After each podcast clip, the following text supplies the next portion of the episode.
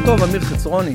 בוקר טוב. מה העניינים? איך המרגש? שמע, אני היום ביום הכי אולי שמח שהיה לי פה המון המון שנים. שמח. כן, מפה אני נוסע לשדה התעופה, אני טס ליוון, והפעם אני קונה דירה אף סופית מישראל. זה לא פרסומת, זה אמיתי. לא חוזר. אתה תגזים. לא, אבל זה הכוונה כאילו, אתה... אני קונה, ואף, אגב, אני גם עוד עושה משהו טוב על הדרך. אוקיי. בדירה שאני קונה, משקיפה כמובן על האקרופוליס, כרגע גר ישראלי, מרוקאי, שורשי, אוקיי. חמוד, כמוך, שמנמן. כמוני שמנמן או כמוני מרוקאי? לא, כמוך אוקיי. מרוקאי ויותר שמן. אוקיי, סבבה. חמוד להפליא. אני הולך להעיף אותו. אז אני עושה כאילו, אתה יודע, אני- יש לי תחושה שאני עושה צדק. פעמיים, כאילו כן, גם... צדק כפול. וגם, רגע, רגע, שנייה, עוד דבר שמח, וגם העפתי את החברה הרבע מרוקאית אתמול. הייתה לך רבע- חבר... אני באמת רבע, לא מצליח רבע, להבין איך אתה... רבע. רבע מרוקאית? היה לה רבע מרוקאי? רבע, רבע. איך אתה מצליח. להשיג אה, בנות? באמת, אני... אני- ואתה משיג, ואתה משיג, אתה כל פעם מספר לי חברה אחרת. מה? סביר. תשמע, נורא פשוט, יש לי כסף ואני מפורסם. יש לך כסף ואתה מפורסם. כן, אני לפחות מודה בזה, זה לא איזשהו שרם או משהו, זה אין גו. נעשה, רגע, סליחה, יש פה כמה פרמטרים, יש עוד כמה פרמטרים. כסף, מפורסם, מפורסם. אני לא משלם מזונות, ואני גם לא אשלם מזונות, אוקיי. ואיכשהו לנשים יש את התחושה המוטעית, אוקיי. האינטואיציה, אתה האינטואיציה יכולה להטעות הרבה פעמים, ואני אומר לך את זה בתור מישהו שלימד הרבה מאוד שנים ש- בשיטות מחקר באוניברסיטה, ואחד הדברים שמראים בקורס איך האינטואיציה מטעה. אוקיי. אז אה, יש גם את האינטואיציה שיצליחו לגנוב ממני זרע ולהוציא ממני מזונות. זה לא הולך. אתה באמת... זה 55 עצור, שנה עצור, לא. הולך. אתה באמת חושב שמישהו רוצה, יש, נרקמת מזימה סביב לגנוב לחצרוני זרע? באמת אתה חושב את זה? לא בגלל ששמי חצרוני, בגלל שאני גבר עם כסף, וזה הכל. אבל כסף לא עובר בגנים, אתה יודע את זה. כסף לא עובר בגנים, אבל אה, בהנחה ש... קודם כל, הגנים שלי לא כאלה גרועים. זאת אומרת, משפחת חצרוני בדרך כלל חיה עד גיל די, די מתקדם, אז זה לא גנים כאלה גרועים, זה אחד. אוקיי. מצב השיער שלי ודאי יותר טוב ממצב השיער של הישראלי הממוצע. אוקיי.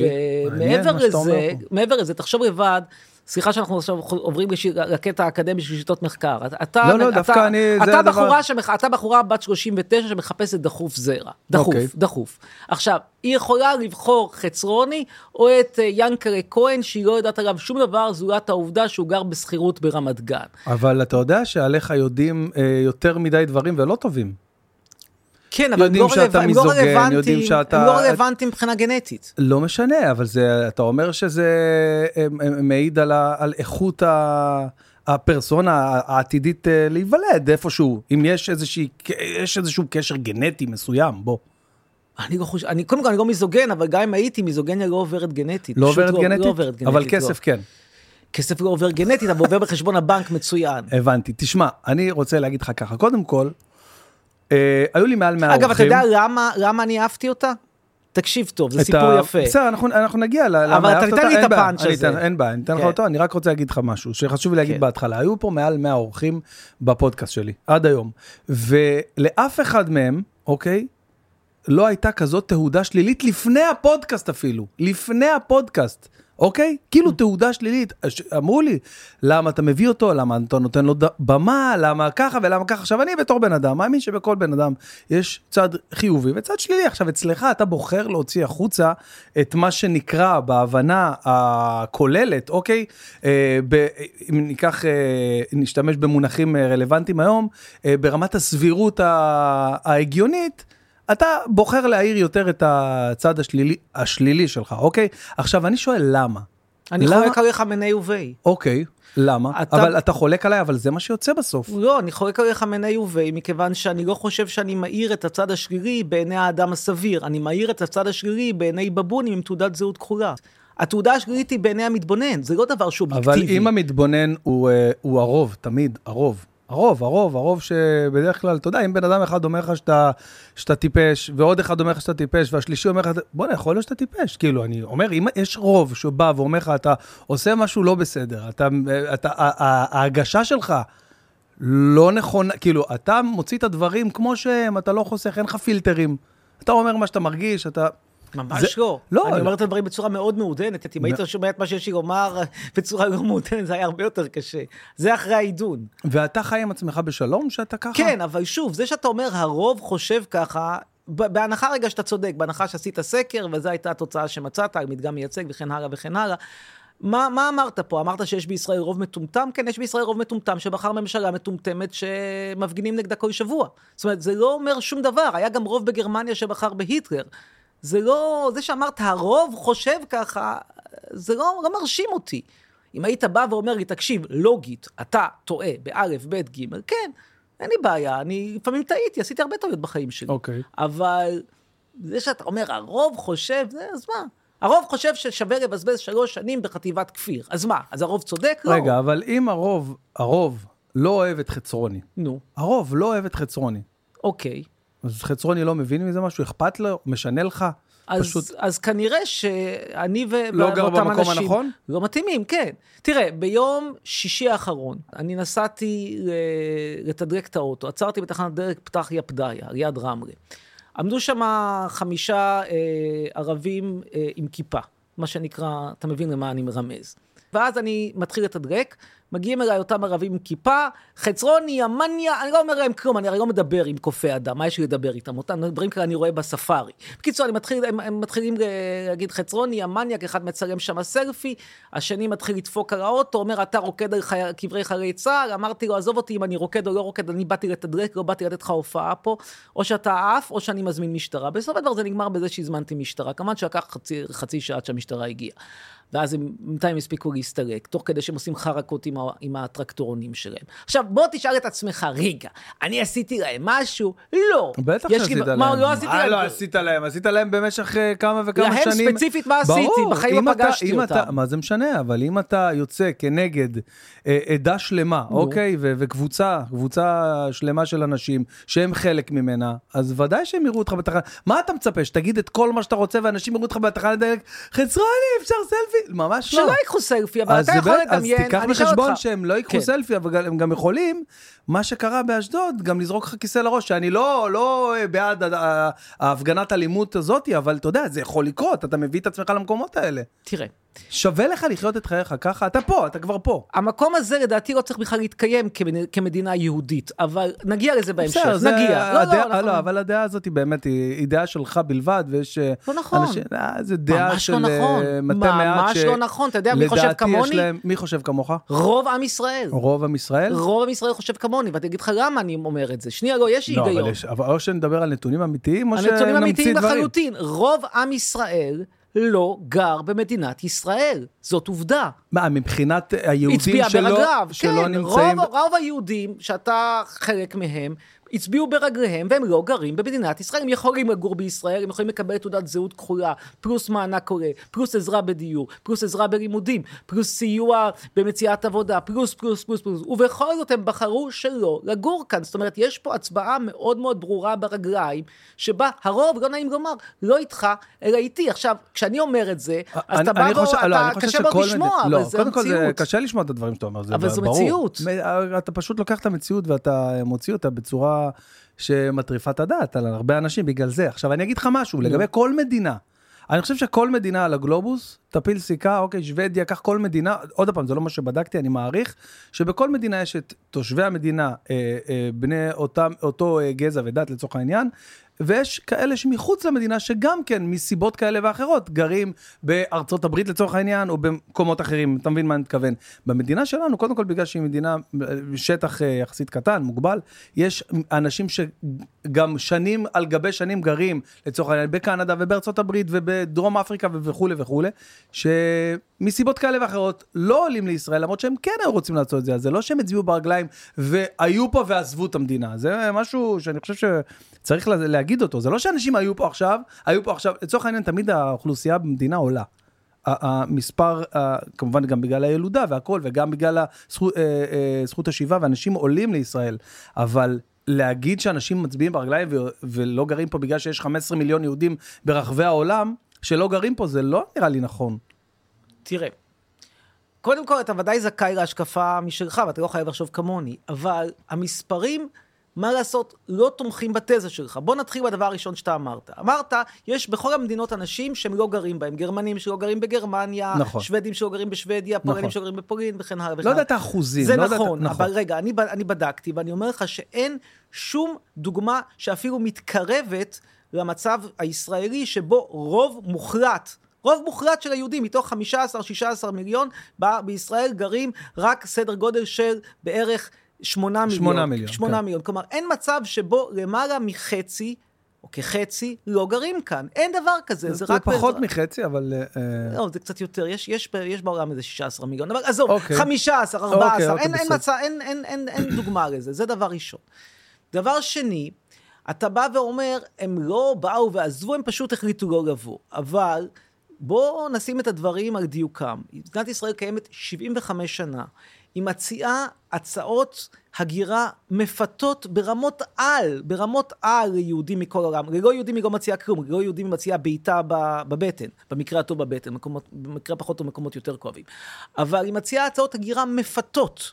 וחרף כל הצעות ההגירה המפתות האלה, מרבית האוכלוסייה בחרה לא לבוא לפה. עכשיו, אתה אומר, האוכלוסייה גדלה. נכון, היא גדלה, כמו שאתה אמרת, בעיקר בגלל ילודה מטורפת. אלו המספרים. עכשיו, אתה רוצה לומר, אחרי ששמעת את, את העובדות המספריות, אתה עדיין חושב שרוב עם ישראל הוא מאוד מאוד יהודי וציוני ואוהב את ישראל, אממה, מאיזשהם סיבות עלומות לא גר פה. בסדר, זכותך לחשוב ככה, לגיטימי. אבל המספרים הם לא איתך. המספרים הם שמדינת ישראל היא לא להיט. היא לא להיט, היא מבחינות, בכל הפרמטרים הכלכליים אתה יכול לראות שאנחנו נמצאים באיזושהי סטגנציה הרבה מאוד שנים. ממשלת ימין, ממשלת שמאל, כל העסק בגדול, אנחנו מדשדשים בתחתית. לא בליגת ג', לא בליגה ב', אבל בתחתית הליגה הראשונה. אנחנו קבוצה, אנחנו הפועל כפר סבא של ה... או הפועל חדרה של, אוקיי. אה, של הכלכלה העולמית. אתה יכול לראות את הדרכונים, אתה כל הזמן צוחקים על, ה... על, ה... על זה שאנשים כמוני אומרים, הגיעו מפולין, הם היו עגלונים. הדרכון הפולני מדורג חמישי בעולם ב, ב, באיכות שלו, מכיוון שהוא מקנה כניסה ואפשרויות עבודה להרבה מאוד מדינות. הדרכון הישראלי מדורג 39 בעולם. אבל אתה לעשות? יודע למה זה, ואתה למה, רואה שגם... למה הוא מדורג ככה? בגלל הסביבה שאנחנו נמצאים בה. יש השפעה על הסביבה, אנחנו מוקפים במדינות ערב, מדינות אויב, שהם משפיעים באופן ישיר על איכות אה, תו התקן של הדרכון שלנו. זה איך שלא תהפוך את זה. אנשים שנמצאים ב- ב- בלא הארי, ונמצאים במצב שיש מצב שהם או מסתערבים או מרגלים או וואטאבר, מה שלא, זה פוגע להם בדירוג של הדרכון. זה לא בהכרח בגלל שפולין היא, היא מדינה כזאת מדהימה הרבה יותר מישראל. לא יודע, זה... אותי מעניין, קודם כל, אתה... אתה פרופסור לתקשורת. נכון. נכון? אה, תספר קצת על עצמך. אני חושב שהרבה אנשים לא, לא כל כך אה, אה, מכירים מי זה בכלל אמיר חצרוני, אה, מעבר להתבטאויות שלך והדברים שכן מוכרים יותר. אוקיי. אני גדלתי בתל אביב, נולדתי בתל אביב, ההורים שלי הגיעו אכן מפולין. בעצם אימא שלי לא הגיעה ממש מפולין, אימא שלי הגיעה מאיזשהו מחוז שהחליף ידיים אלף פעם, ופורמלית היה רומניה כשהיא עלתה לארץ, אבל מעשית התרבות שלה הייתה תרבות גרמנית, אני גם מדבר אכן גרמנית סבירה לגמרי. אמ, אני גדלתי בתל אביב, הייתי כתב צבאי קצת אחרי, כמה שנים אחרי אמ, יאיר לפיד, אבל את אשתו זכיתי להכיר, הייתה צלמת לגמרי לא רעה. אה, אחרי זה עשיתי את השטות של החיים שלי ולמדתי פסיכולוגיה וקולנוע לתואר ראשון, טמטום טוטאלי, התקבלתי לבית ספר רפואה, אני ממליץ פה לכל מי שרק יכול להתקבל לרפואה, לכו ללמוד רפואה, זו מניה הכי טובה שיש, לא משנה פה כרגע יהודי, ערבי, זכר, נקבה, whatever. אל ת- אל תבזבזו את הזמן שלכם על מדעי הכלום. אבל אנחנו מדברים על שנות ה-90, שנות ה-90 דברים נראו קצת אחרת. שנות ה-90 זה היה נראה שתקשורת זה הדבר הבא, עשיתי אחרי זה דוקטורט בתקשורת, בחרתי אותו כי נתנו לי מלגה. שוב, לא בחירה נכונה, אני אומר לך, לפעמים אני עושה אוקיי. טעויות, לא טעויות שאתה חושב עליהן, אבל אני עושה טעויות. וזהו, אחרי זה עשיתי יותר מ-20 שנה באקדמיה, לימדתי באוניברסיטת תל אביב. אריאל גם. כן, רגע, שנייה. אוקיי. אוקיי. תל אביב, הם לא נתנו לי תקן כי הם לא אהבו את הדעות שלי, אחרי זה עברתי למכללת עמק יזרעאל, אחרי זה עברתי לאריאל, עם אריאל רבתי בסכסוך שהיה די מתוקשר, כן. שוב הרקע הדעות שלי, ואז מצאתי עצמי מלמד כמה שנים בחו"ל, בסין, בטורקיה, וב-2021, 21, פרשתי, כשהתברר לי שהמשכורת שלי בתור פרופסור היא פלוס מינוס כמו משכורת של מזכירה, ואני לא צריך יותר את הכסף, מה לעשות, אני מגיע ממשפחה די עשירה, אז אני לא צריך יותר לעשות דברים שלא מתגמלים. יש לי חמישה ספרים, משהו כמו איזה 100 מאמרים, 1,500, יותר כבר בטח, 1,600, 1,700 ציטוטים בספרות המדעית. אני חוקר לא רע. תן לי דוגמה לציטוט שלך בספרות המדעית. אני לא זוכר בשלוף. בעל פה, ממש לא. על מה, על מה, באיזה... על מה תחומי המחקר כן, שלי? תחומי המחקר שלי בגדול זה השפעה ארוכת טווח של אה, צפייה בטלוויזיה על... אה, אה, על התפיסת מציאות שלנו. אתה חושב מה המחקר שלי הכי, הכי מפורסם או הכי מצוטט? כן. זה מחקר שהופיע בפריקונומיקס בזמנו, שמראה שאנשים בסדרות אה, על בתי חולים, משווה בעצם איך אנשים בסדרות על בתי חולים מתים, לעומת איך אנשים מתים בחיים האמיתיים. לא יודע, קטע של מוות סקרן אותי. אוקיי, אז, אה, תן מת- דוגמה מזה. כאילו, אז מתברר שבסדרות על בתי חולים אנשים מתים בדרך כלל מתאונות, הרעלות, כל מיני דברים כאלה סופר דרמטיים, כשבמציאות אנשים מתים בדרך כלל מהתקף לב ושבץ. הבנתי. לא אז- כזה מפתיע. לא, אבל אבל אני כאילו... הייתי הראשון שבדק את זה פשוט.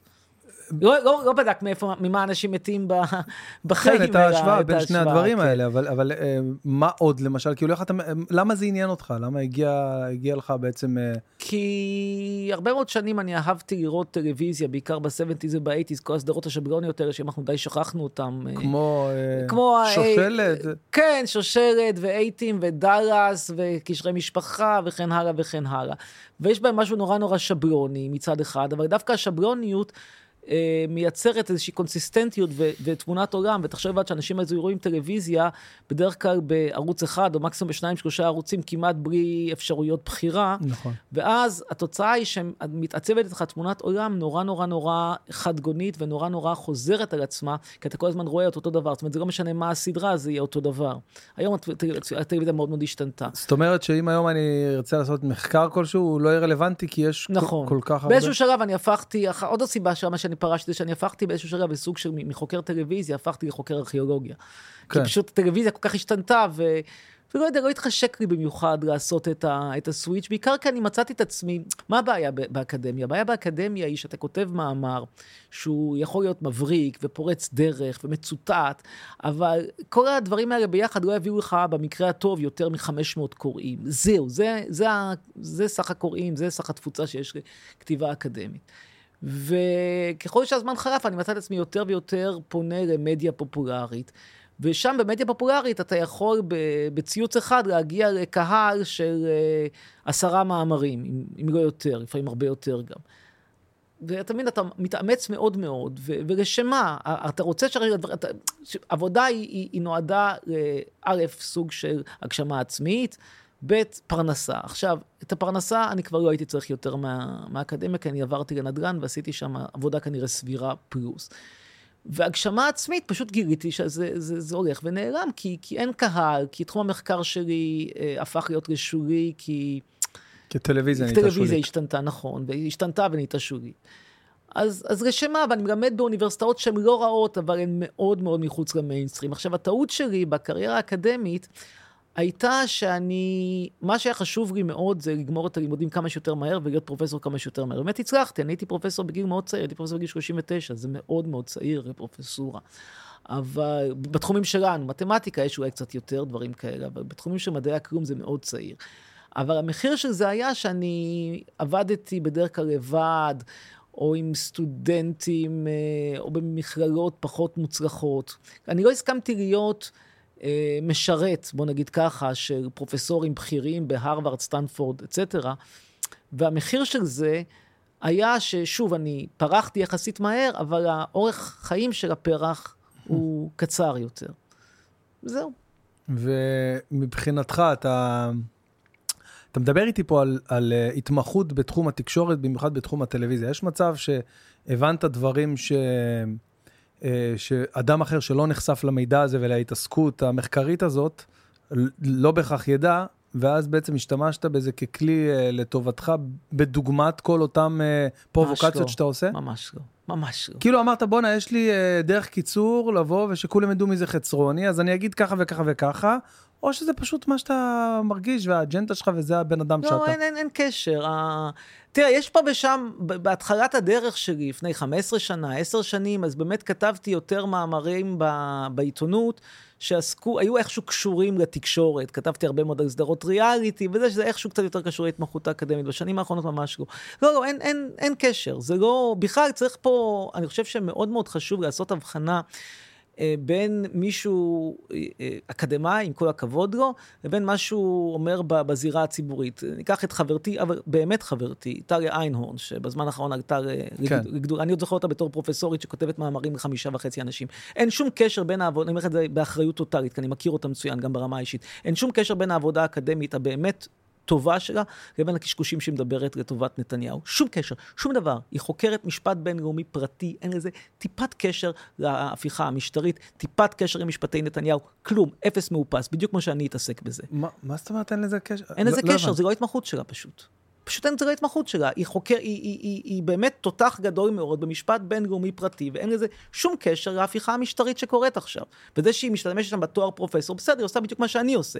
ויש לה יותר אוהדים כי היא ימנית.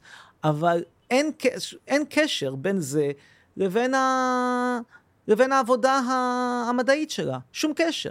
כמו שאין שום קשר בין היותו של יואב קיש טייס, כן? הוא כנראה טייס, טייס קרב היה לא רע, ובין זה שהוא שר חינוך. עכשיו, כשאני אומר לך טייס ושר חינוך, אז אתה מבין שאין קשר. כשאתה אומר פרופסורית למשפטים, מדברת על משפטי נתניהו, לכאורה יש קשר. אבל לא, אין קשר, כי היא פרופסור למשפטים בתחום X, והיא מדברת לא רק לא על X, אלא היא מדברת על, על, על B. משהו שהוא לא, אין, אין שום דבר, כלום, נאדה, אפס מאופס, שום קשר שהוא. אבל... אה, ואגב, זה חוזר על עצמו אצל הרבה מאוד פרופסורים שמנסים להשתמש ב, ב, בתואר שלהם אה, כדי לקבל אתה קצת, זמן אה, מסך. אתה קצת אה, שואל ברצינות, אתה קצת אה, מקנא שלוקחים אותה ככה ברצינות ואותך נגיד לא? אני חושב, ש... אני חושב שהיא הפכה גם כן לסוג של בדיחה בתקופה האחרונה. אבל תראה, שוב, אה, אתה יכול להזמין אותה פעם, פעם לפה, יכול להיות, יכול להיות שתהיה לך שיחה די מעניינת, אבל אה, מה שקורה זה שהדרך הכי טובה היום להגיע, לקבל זמן מסך, להגיע לתקשורת, המסלול הכי הכי קליל זה להצהיר שאתה ימני. למה? כי פשוט ה... תור שמה, או, או כמות המועמדים, אני לא, זאת האמת, זאת העובדה. זה איזה עובדה, מאיפה אתה? אתה חי בעולם של עובדות משל עצמך. שי גולדשטיין, מה הוא היה עד עכשיו? הוא היה שום דוגמה- דבר, היה בן אדם שהיה שדרן רדיו בשנות ה-90. תגיד, נפש חיה לא ידע מי הוא. גדי טאוב היה גרוטאה מהלכת, מרצה נידח לתקשורת שלא מקבל פרופסורה באוניברסיטה העברית. כל האנשים האלה, כל הריאביליטציה, נתת דוגמה לשני אנשים, אוקיי, ואתה אומר לי אה, שיש הרבה יותר... טליה איינהורן הייתה מרצה באוניברסיטת אריאל, שנלחמה על זכויות הסגל האקדמי ללא הצלחה, ואף אחד לא שם עליה בתקשורת, כלום. ואז ברגע שהיא נהייתה פרו נתניהו בקול רם, אופס, היא הפכה לכוכבת תקשורת. זו המציאות. עכשיו, למה, למה זו המציאות? כל, כל, כל, כל הפטריוטים מראים באנשים, מה זה היה גדד יניב? גדד יניב היה גרוטאה מתה, מכונית סוסיתא נשכחת במגרש גרוטאות בטייבה. הנה, יצא עכשיו יפה, בסוורד. יצא משהו. יצא משהו. אה, והאנשים האלה, זה המסלול שלהם. עכשיו, אני לא אעשה את זה. אגב, המון הציעו לי, מה אתה חושב? לא מה- הציעו מה לי... הציעו לך? ערוץ 14. בוא תבוא, תדבר על... אה, זה היה, זה היה אה, כש... משהו בהקשר של משפטי נתניהו, ש... שכתבתי פעם איזשהו משהו ש... שהקטע של השוחד ב-4,000, עוד לפני שהיה ההחלטה של ההודעה של בית המשפט, אמרתי שהשוחד שם לא נראה כזה חזק, כאילו האיש, האיש עבריין, אבל דווקא השוחד שם לא כזה. לא, אני לא אעשה את זה. אני לא אעשה את זה, אני לא אמכור את, ה... את האני שלי ואת הדעות שלי בשביל זמן מסך, אני פשוט לא אעשה את זה. נקודה. לא אעשה את זה. אני לא אלך, אה, היה, היה איזשהו רעיון. אבל זה נראה שאתה כן הולך דווקא לכל מיני רעיונות אה, שוליים, ב understatement, מה שנקרא. אוקיי. אתה יודע, כל מיני ערוצים עם, אה, עם אה, 50 צופים, לא יודע, דברים מוזרים, שאתה כן עושה דברים בתקשורת בשביל, לשם התקשורת. אבל אני לא אומר שם דברים שאני לא מאמין בהם. זה הבדל עצום. אבל עדיין, לא יודע, זה... זה הבדל עצום. אני לא אלך ואגיד שאני חושב ש... אה, אה, אני יודע מה, חיילי צה"ל, חיילי צה"ל הם קדושים שצריך להצדיע להם. אני לא אגיד את זה. לא בערוץ נידח, לא בערוץ מרכזי, לא בפריים טיים, וגם לא אם ייתנו לי להגיש את אה, מהדורת החדשות בערוץ 12. אני לא אגיד את זה כי אני לא חושב ככה. נקודה. יש לי איזשהו אינטגריטי, ואני לא אגיד, למזלי, אני, אני לא צריך את זה בשביל פרנסה, ולכן אני יכול לחיות בלי זה. נורא פשוט. ואני חושב שמי שאומר את זה ומוכר את עצמו, זה דבר נורא. אבל מי אמר לך שטלי לצורך העניין מוכרת את עצמה? אולי זה האני מאמין תראה, אני לא יודע, יכול להיות שהיא מאמינה בזה, אני, אין, לי, אין, לי, אין לי מדד לכריות ולב. אבל העובדה היא שעד איזשהו שלב מסוים לא שמענו את זה ממנה, ואופס, פתאום שמענו. לא יודע, אין לי, אין לי מדד לקריות ולב. יכול להיות שפתאום היא גילתה את עצמה, אין לי מושג. כמו שיכול להיות שבני ציפר פתאום גילה את עצמו. אולי, כמו שיכול להיות ששי גולדשטיין פתאום גילה את עצמו. אולי, יכול להיות שגלי טאו פתאום גילה את עצמו. אולי. אני לא כך מאמין, אבל אולי. אין לי דרך אה, להוכיח לך שזה לא קורה אצלם ככה. תראה, אני, אני בכלל בפוזיציה אחרת מהם, כי אני מוחרם גם בשמאל. פחות מאשר בימין, אבל אני, אני מוחרם גם בשמאל. עכשיו, למה אני מוחרם בשני המקומות? מוחרם בשני המקומות כי אני רציונלי עד כאב. וכשבן אדם הוא רציונלי עד כאב, והוא לא הולך על אמוציות, כי גם הימין וגם השמאל הם מאוד אמוציונליים. ואני נורא נורא משתדל לפחות להיות לא אמוציונלי. אמוציות הן האינטואיציה הכי גרועה שיכולה להיות לך. ו... וקשה לחיות עם זה.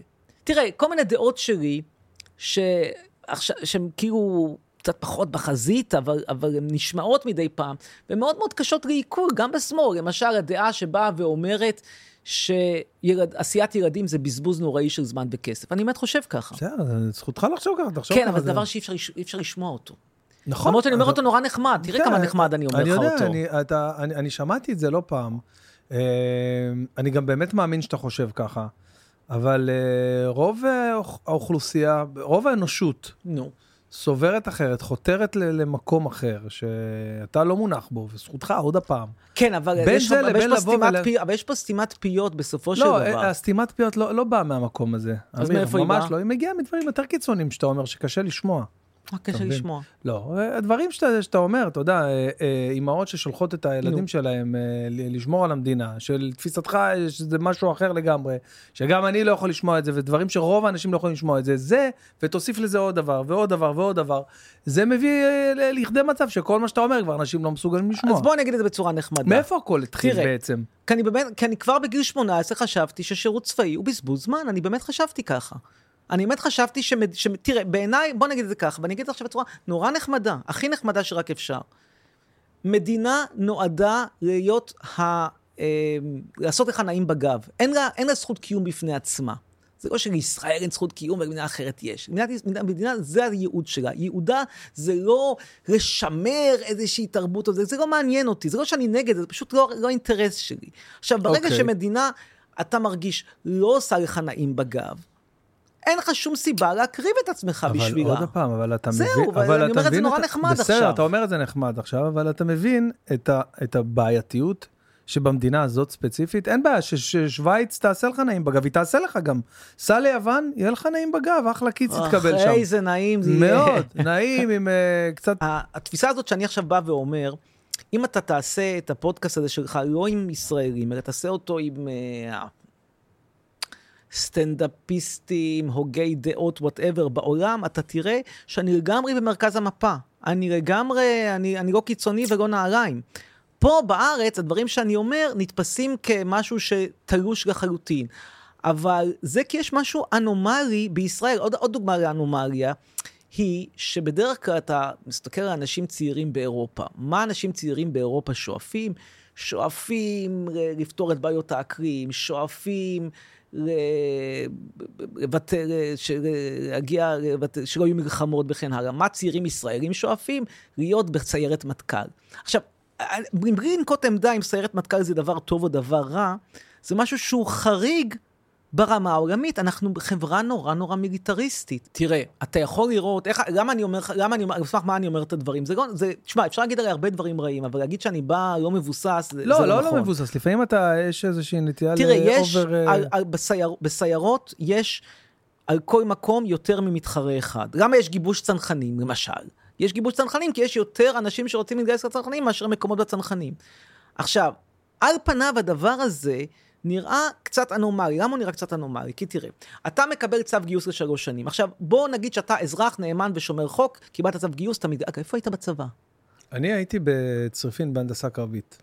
צריפין הנדסה קרבית? כן, בצריפ... יש את מרכז אב"ח, שהוא יושב בצריפין. אה, זה לא הייתה קרבי. כן, לא, לא הייתי קרבי, היית... ממש לא. אבל, כן. אבל, אבל זה נחמד להגיד הנדסה קרבית לא, כזה. הנדסה קרבית, זה הייתה- זה היה זה, יש ה- אוקיי. יש את היחידות הקרביות 603, 601, וזה, אני הייתי באב"ח, יש מתקן אב"ח, אה, אני חושב שהוא כבר אתה לא חילקת קיים. את המסכות. כן. לא, לא חילק, היה תרגילים, תרגילי אב"ח, אבל. גם את זה לא הייתי, הייתי יותר בעבודות מנהלה. הוצאה לאור. המגרף, אתה היית המגרש. לא, הוא לא, ה- הוצאה לאור, כל התרגילים וזה, מישהו צריך להדפיס את זה. היית מדפיס. אוקיי. אתה היית מדפיס... בתקשורת. גם הייתי בתקשורת, כן, זהו, הוא היה מדפיס, תקשורת, אני הייתי, הוא היה- הוא היה מדפיס את מה שהייתי כותב, את הפרופגנדה המזעזעת שהייתי כותב. עכשיו, קיבלת צו גיוס. אני לא מצפה מאנשים בהמוניהם בגיל 18 לשרוף צווים כמו בשיער, למרות שבאמריקה עשו את זה בזמנו. אני לא מצפה. אבל בין זה לבין ללכת, להגיד, אני מתנדב לעשות עוד מכינה ועוד uh, שנת שירות ועוד ללכת לקורס קצינים, כאילו... אדוני, אתה חי על היקום הזה 85 שנה. מתוך ה-85 שנה, יש כמה שנים שמה לעשות, אתה תהיה בדמנציה עם אלצהיימר בסוף. מתוך ה-85 שנה האלה, יש איזה כמה שנים שאתה בהתחלה עם חיתולים ולא יודע מה, החיים שלך לא יודע קרוא וכתוב. לא נשארו המון שנים, יהיו גם כל מיני משברים, קצת צרות, קצת בעיות, קצת גידול ילדים אם תקרא קונדום, קצת צרות עם האישה, קצת גירושים, קצת... ד... כאילו, לא, לא כל הזמן הוא פנוי לבילויים. מתוך הזמן הלא גדול שנשאר לך, אתה הולך לבלות איזה... אתה מגדיר, את ה, אתה מגדיר פי שתיים את הזמן שאתה בהתנדבות למען, למען המדינה, זה משהו שהוא לא הגיוני, סליחה, הוא לא הגיוני, אני לא בא כרגע מעבר לדעות הפוליטיות שלי, באמת מעבר לדעות הפוליטיות שלי, זה לא הגיוני, זה לא הגיוני. בן אדם נורמלי לא הולך להתנדב שנה או שנתיים מהחיים שלו, זה לא נורמלי. מצטער, זה לא נורמלי, ואם אתה אומר שאני משוגע, סורי, אני לא. יכול יכול להיות שאתה טועה. לא. לא יכול להיות שאני. טועה. מאה אחוז אתה צודק. כן, כן, זה לא הגיוני, זה לא הגיוני. תחשוב לבד, אתה חושב שזה נשמע לך סביר שאתה לוק... מפקיעים בערך חמישה אחוזים מזמנך ביקום לטובת שירות לאל הגדול של מדינת ישראל, ואתה הולך ואתה אומר, אני לא אתן חמישה אחוז, אני אתן עשרה אחוזים, אתה, אתה, שמע, תחשוב לבד. לא, אני שאלתי האם יכול להיות שאתה טועה באופן כללי, לא לגבי לא, ספציפית זה הדבר. מה, שאתה יודע מה זה שקול?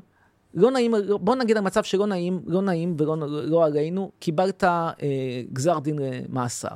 לא יודע, חטאת, פשעת, עבירות כאלה, עבירות אחרות. עכשיו, בן אדם, אסיר נורמלי, כמובן רוצה שינקו לו שליש. מי שהולך להתנדב לסיירת, אומר, אני לא רוצה שתנקו לי שליש, אני רוצה להוסיף רבע. זה לא הגיוני, סורי, זה לא אבל- הגיוני. לא, אבל זה, בטח שזה הגיוני. בן אדם שמגיע לסיירת ועובר נו. גיבושים ועובר, הוא מגיע ממקום שהוא רוצה להיות חלק במארג הזה, אז בטח שזה יהיה הגיוני, הוא גם יהיה מוכן לתת עוד, עוד תקופה שלמה כזאת. לא משנה, עזוב, זה דיון יקר, זה קצת, אנחנו... זה לא עקר, זה דיון מאוד מאוד אה, לליבם של דברים. אנחנו, תראה, אנחנו חיים פה במדינה שלצערנו הרב חיה על חרבה, אין מה לעשות, אנחנו השכם והערב עוברים מלחמות, עוברים uh, מערכים uh, צבאיים כאלה. ואחרים, מבצעים כאלה ואחרים. אז אנשים גדלים לתוך מציאות כזאת, אוקיי? שיש צד שרוצה במותנו, אוקיי? לא משנה עכשיו למה ואיך ומי היה פה לפני, לא מדבר על זה. נו. יש צד שרוצה שאתה תמות, ויש צד שרוצה להגן על, עליך ועל, להגן על עצמו ועל ה- על הספאוס שלו ועל כל האנשים הקרובים והאהובים, אה, והאהובים שלו. ולשם כך נדרשת הגנה, הגנה על המדינה, על, על הגבולות.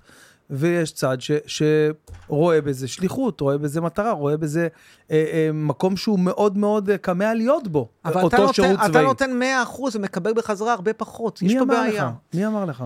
תראה, שוב, אבל למה אתה אתה- חושב שאנשים אה, רק אה, עושים את החשבון הזה, מה אני נותן, מה אני מקבל? לפעמים הנתינה היא גוברת על, ה, על הקבלה ברמת ה, ה, ה, הרצון והסיפוק. אני, אני חושב שזה... תראה, זה דווקא מהצד היותר אקדמי שלי. אה, יש הרבה מאוד חוקרים שמדברים על זה שיש לנו בראש איבר שהוא לא איבר פיזי שאתה יכול לראות אותו, אבל איזשהו מין מנגנון סטטיסטי שאנחנו כל הזמן מחשבים כדאיות. למשל, כשאתה מחליט אם אתה רוצה לנסוע לחופשה במלטה או לחופשה ברצלונה. בברצלונה, אז אתה מנסה, אתה, אתה לא באמת עושה טבלת אקסל, מה פה, מה שם, כמה עולה המלון, כמה, כמה עולה המסעדה וזה, אבל אתה כן עושה איזשהו חישוב של מה יותר... כדאיות אינטואיטיבית כזאת. חישוב כדאיות אינטואיטיבי. עכשיו, כשאתה עושה חישוב כדאיות אינטואיטיבי של מה יותר כדאי לי, יותר כדאי לי לעבוד קשה ולשכור שמירה לבית שלי כדי להגן על אשתי, או במקום זה ללכת להתנדב לסיירת מטכ"ל, להוסיף עוד קבע שנתיים, אחרי זה גם יש מגורים עוד 30 שנה, וככה אשתי תהיה בטוחה כי יש צבא שמגן עליה. זה לא הגיוני, זה לא, זה לא תפיסה הגיונית. ואני, שוב, אני מנסה, נורא נורא חשוב לי להיות הגיוני. אני אגיד לך גם למה. כי אנשים הגיוניים, קל יותר אה, לחיות איתם, קל יותר להסתדר איתם כי הם צפויים. יש בעיה בהתנהגות אמוציונלית. התנהגות אמוציונלית היא התנהגות לא צפויה, והתנהגות לא צפויה קשה מאוד. שוב, כל ה... אתה קצת אה, אה, מאפיין את עצמך פה, אני... כן. אני לא, אני, אני מאוד רציונלי. נורא, שוב, לא, לא תמיד זה מצליח אבל לי. ההתנהגות שלך היא לא הגיונית. למה? כי אתה רואה, אתה, אתה רואה את, ה, את הפידבק שאתה מקבל, או שאתה לא רואה, או שאתה לא מרגיש, לא, אני בא שאתה לא ואומר, מודע. אני בא ואומר שאני, בסולם העדיפויות שלי, בסולם העדיפויות חצרוני, מעדיף להישאר עם האמת שלי ולוותר על מקום בפאנל של הפטריוטים בערוץ 14, כי אם אני אהיה במקום של הפאנל הפטריוטים של ערוץ 14, אחרי שאני אגיד שבעצם שיניתי דעתי, מדינת ישראל היא מדינה מקסימה, וצה"ל שומר עלינו, ואין מקום יותר טוב ליהודים, ובכלל לא, אף אחד לא מת מקצת לאומיות בר- בריאה, וכן הלאה וכן הלאה.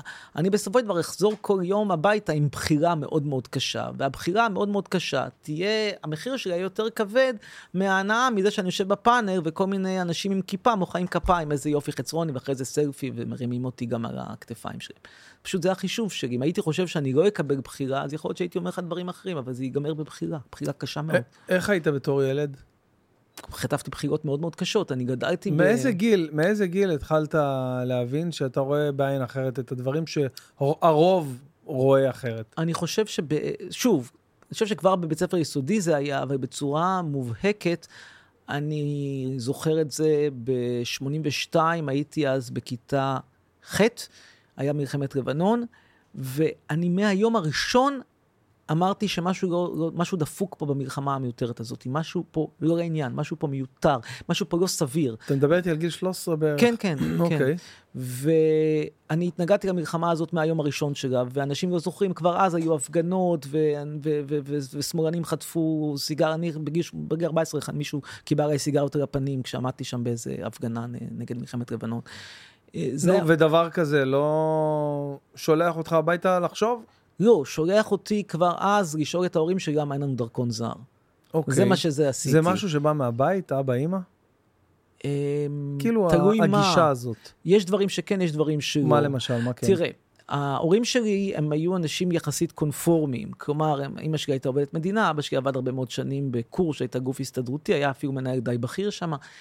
והם היו מהבחינה הזאת מאוד קונפורמיים. עמדתם המדינה הייתה מאוד מאוד שלילית. הם לא אמרו את זה בקול רם, אבל עמדתם הייתה שלילית. במיוחד העמדה של אבא שלי הייתה מאוד מאוד שלילית. על אבל למה הוא. נשאר פה בכל זאת? אה, למה הוא הביא אותך למדינה כזאת? תראה? לא, הוא הוריד אותי במדינה הזאת, הוא לא הביא אותי. הביא אותך, כן. אותך לעולם, כן. התכוונתי, כן. תראה, אמ, שוב, בן אדם קונפורמי, ברגע שהוא עושה משהו, קשה לו לצאת מהפוזיציה. הוא לא התחתן. אתה יכול ל- כן, לא- לפשט לי כן, מה זה אני קונפורמי? קונפורמי זה אוקיי. אומר ש... תראה, בוא נגיד את זה ככה, אני אפתח את זה, משהו אגב, אף אוקיי. פעם לא סיפרתי. זה, לא, זה היום זה לא סוד גדול, אבל זה הולך ככה. תראה, אבא שלי בשנות ה-50, או בשנות, סליחה, זה קרה, אבא שלי מגיע מבית דתי, והוא היה גם, אגב, מהדור המייסד של הקומנדו הימי. הנה, משהו שאנשים לא יודעים. וואו. אבא שלי היה מה, מחל, מה, מה, מהמחזור הראשון של הקומנדו הימי בישראל, ואז, אחרי שהוא היה בקומנדו הימי, העיפו אותו באיזשהו שלב, והוא נלחם ב... ב- בגליל, במלחמת השחרור. אגב, הוא הספיק להילחם כשהוא היה מאוד מאוד צעיר, הוא היה שם, הוא היה חייל בגיל 16 וחצי. וואו. והוא גירש את ערביי צפת. אחרי זה הוא אמר לי, תקשיב, אני הרגשתי שמשהו שם לא בסדר. כלומר, שוב, זה לא היה איזו אלימות בוטה, אבל הוא, הוא אמר, אני זוכר שאני מסתובב שם עם, עם, עם קומנדקר, ואומר לערבים שהם נכנעו ומומלץ להם להתפנות, ומשהו פה לא בסדר, משהו פה דפוק, אבל אני עושה את זה כי, כי זה ההוראה וזה, ה- וזה הציידגייסט, אז, אז את זה עושים. ואז הוא משתחרר מהצבא ומחפשים עבודה, ואז הוא מתחיל לעבוד במשרד ממשלתי, והוא מצטרף למפלגה הקומוניסטית באיזשהו שלב מסוים, לפלג של סנה, שהיה פלג היחסית היותר מצוי. סנה. כן, משה סנה. האבא של אפרים. וואלה. וכן, הוא היה סנאיסט. ואז אה, מתחילה, מתחילים עליו חקירות, אה, ובחקירות של שב"כ. והוא מוזמן לחקירות שב"כ.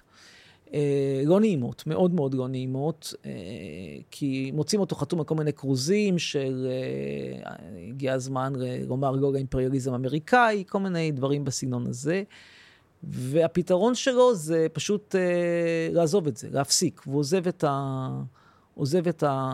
את הקומוניזם, נותן לעצמו איזה חצי הסבר שהוא מבין שסטלין זה לא שם משעמם, אבל מצד שני הוא גם אומר, אני הבנתי שאם אני, אין, אין, לי, אין, לי, אין לי מדינה אחרת, כלומר אז עדיין דרכונים זרים, אין, אין, לי, אין לי לאן ללכת, ואז או שאני אהיה מובטל ואני אעבוד בתור שומר כל החיים שלי, או שאני אתקדם במשרד, הוא עובד גם כן במשרד ממשלתי תקופה באותם שנים, או שאני אתקדם, אבל אני אשים את הפוליטיקה בצד.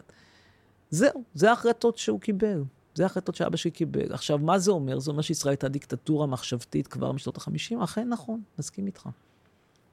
אני, שוב, אני גדלתי בבית שמאוד מאוד לא אהב את המדינה, די הסתיר את זה, אבל בפנים לא אהב את המדינה. למה לא לקום ולעקור באותו שלב?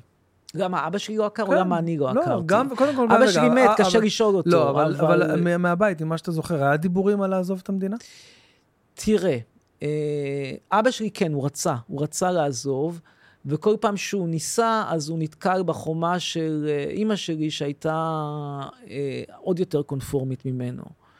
אה, וזה בהחלט, אה, עכשיו אתה שואל, אז למה הם התחתנו, למה הם לא התגרשו? אז אני אתן לך תשובה. א', היה מקובל אז להתחתן, דבר, המחשבה הזאת שלא להתחתן לא הייתה קיימת. נכון. המחשבה של להתחתן ולא להביא ילדים לא הייתה קיימת. אז הם כבר הלכו יחסית על איזשהו פתרון רדיקלי, הביאו רק ילד אחד. אבל המחשבה שאפשר ל- ל- לחיות בלי נישואין לא, לא הייתה קיימת אז. אז זה נקודה ראשונה. ולמה אימא שלי הייתה טיפוס יותר קונפורמי, שוב, קשה לשאול, אבל מזיכרונותיי ממנה, זה, זה הייתה אישה, זה, היא, הייתה, היא הייתה בן אדם ש... ש היא, היא למשל היית- הייתה אוכלת ביום כיפור, אוקיי? וחרף זה שהייתה אוכלת ביום כיפור, היא הייתה הולכת לבית כנסת. עכשיו, אוקיי. תגיד, מה, מה ההיגיון בלאכול ביום כיפור וללכת לבית כנסת? כי הדבר שהיה חשוב, הכי חשוב לאמא שלי בחיים, היה מה יחשבו עליה השכנים.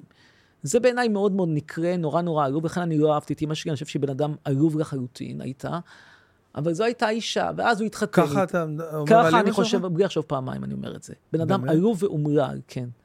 ו... אה, אבל אין לך עלוב טיפ- ואומלל, אבל אומר אין לך את זה. טיפה לכבוד לעצם עלוב היותה, ואומלל. עצם היותה אימא שלך. עלוב ואומלל, אני חוזר על זה פעם נוספת, לאכול ביום כיפור, תשמע, בן אדם שאוכל ביום אבל כיפור... על זה אתה פוסק, תראה, אני, זוכר, אני. זוכר, אני זוכר מכתב, תקשיב, אני חייב לספר לך פה משהו.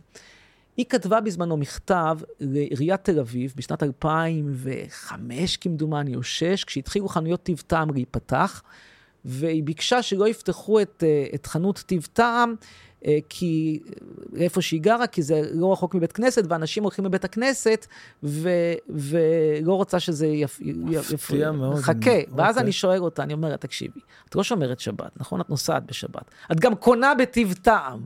אז תסבירי לי מה זה אכפת לך. אז התשובה שלה הייתה, הראיתי את המכתב הזה בבית כנסת, ואיך שהם התפארו מזה, ואיך שהם שמחו עם המכתב הזה, ואיך שהם התפארו ממנו. כלומר, זאת אישה שהדבר היחיד שהיה חשוב לה, זה מה יגידו. זה, זה אשת מה יגידו. אבל וזה אני- עלוב אני- ואומלל, למה? בן אדם שפועל ש- נגד הדעות של עצמו. עזוב את אבל- הדעות אבל שלי, למה? אבל הדעות של הדעה- אבל עצמה. זה- קודם כל זה עשה לה טוב, שאנשים בסביבה הקרובה שלה, אה, הרימו אותה על נס, נקרא לזה. אה, הרימו אותה על נס והרימו אותה על כפיים, ואם היא הייתה כל כך שמנה, גם היו בטח מרימים אותה פיזית. אבל אני לא מצליח להבין, אבל אם היא שמחה קבוצה, אם היא שמחה אנשים, קבוצה מסוימת של אנשים, איפה הדבר הרע פה? בן, היא פעלה נגד הדעות ונגד האמונה של עצמה, לא נגד אבל זה- האמונה אבל שלי, אני לא האמונה יודע, של אבל עצמה. תשמע, אמונה זה משהו גמיש זה בעיניי. לא גמיש, האישה הזאת הייתה זה- אוכלת טרף, אבל מחללת שבת אז וחג, מה? אז מה, הייתה עושה את זה. מבשלת בשר אבל עם במקביל הייתה חלב, גם הולכת ל- ל- לבית כנסת, שזה מה? עלוב ואומלל, אני בעיניי. הייתי נפגע מזה, את האמת. לתפיסתך. אם רגע. היא הייתה עושה בשבילי משהו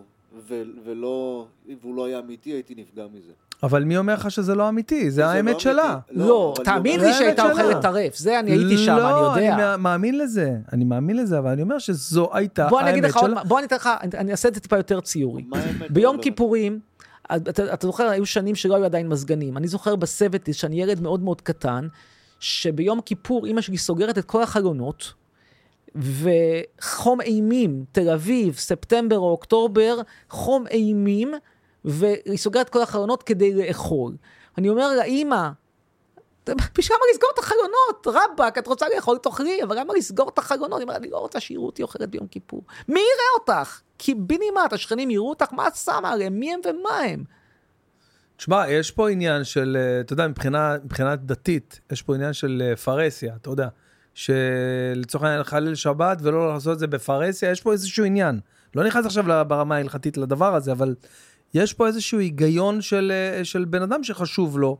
מה יגידו? בעיניך זה מאוד uh, שלילי. אתה לא רואה את העליבות, גם העליבות פה היא נובעת אתה מהפחד, בוחר, אבל אתה בוחר. הפחד לצאת עם העמדות שלך. שוב, אם אימא שלי הייתה שומרת שבת באמת, ובאמת הייתה מאמינה קלה כבחמורה, או חצי קלה כבחמורה, הייתי יכול לחיות עם זה הרבה יותר בקלות, הייתי יכול לקבל את זה הרבה יותר בקלות. הייתי אומר שיש לי אימא שמאמינה בשטויות, אבל לפחות לא הייתי אומר שיש לי אימא שהיא צבועה ברמות על. היא פשוט הייתה בן אדם נורא נורא צבוע. היו דברים אצלה, במבנה האישיותי שלה, שכן היית יותר אוהב, מתחבר? כאילו, דברים כלום. טובים? ש... כלום. אני לא מאמין.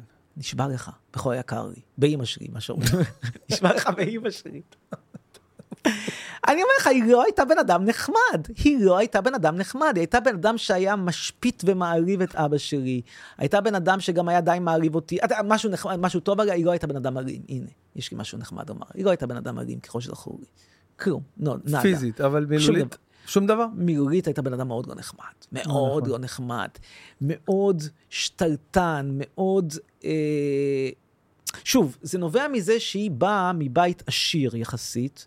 חושב שדי ירד, אני, אני לא הצלחתי לרדת אף פעם עד הסוף לספרי החשבונות שלהם כדי לראות כמה נשאר, כי זה הכל, אה, יש שם המון דברים שהיו, כן, מסובכים ועלומים, אבל לשיטתה לפחות, ואני מאמין לה שככה היא תפסה את זה, היא הייתה הגיעה מבית ש, עשיר מאוד. והיא התחתנה עם אבא שלי שהיה יחסית יותר עני, והיא מאוד מאוד מאוד אה, הייתה מחזיקה באיזשהו סוג של ראייה אה, סופריורית אליו, ראיית עליונות, כאילו אני עשיתי טובה ולקחתי את ההנדסאי הזה, טכנאי הזה מדרום תל אביב, למרות שבסופו הוא הרוויח הרבה יותר כסף ממנו, היה הרבה יותר בכיר ממנה, הרבה יותר מזכיר ממנה, אבל בראייתה היא עשתה טובה ש... שהיא התחתנה איתו. היא דיברה גרמנית, הוא דיבר יידיש. היא הייתה ממשפחה של מרכז אירופה, הוא פולין, שזה יותר מזרח אירופה, כלומר הייתה לה תפיסה מאוד מאוד אדנותית. וקשה מאוד היה לחיות עם התפיסה הזאת. אני המון פעמים רצתי לאבא שלי להתגרש, לא שהוא קיבל את המלצתי. אבל המלצתי לו המון פעמים. לא ראיתי דבר כזה בחיים שלי. נו, אתה רואה, ביקשת רעיון מיוחד, קיבלת. ילד שדוחף את ההורים שלו, אבא, אבא, אמא, אתם חייבים להתגרש, תקשיבו, תעשו לי טובה. תקשיב, היא גרשה אותו מהבית המון פעמים. והבן אדם, קודם כל היה צריך לומר למותק הבית הזה שלי כמו שלך, אבל נגיד אפילו שהוא לא הולך עד הכיוון, עד לשם. את מגרשת אותי מהבית, אוקיי, הלכתי, ביי, תסתדרי עם עצמך. מה, הוא צריך לבקש להתחנן להישאר בבית? הוא מפרנס אותה, מה היא? כלום. היא אישה, הייתה אישה מאוד מאוד לא נחמדה, אסור לי לומר לך את זה. בתור ילד. וגם בתור ילד אמרתי, לא בתור ילד, אבל אמרתי לה את זה בגיל, כשהייתי בן, בשנות ה-20 לחיי ודאי אני אמרתי לה את זה בצורה גלויה לחלוטין. לחלוטין. עד איזה גיל גרת בבית? 18, 19? לא, גרתי בבית, זה היה on and off. זאת אומרת, אני גרתי, בצבא גרתי בבית, אני שירתתי מאוד קרוב לבית, מרחק הליכה ממש.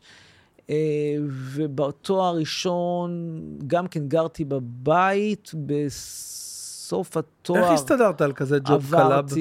זה כאילו, יש קשרים במשפחה? לא, ממש לא. מרחק הליכה מהבית? מרחק... לשרת?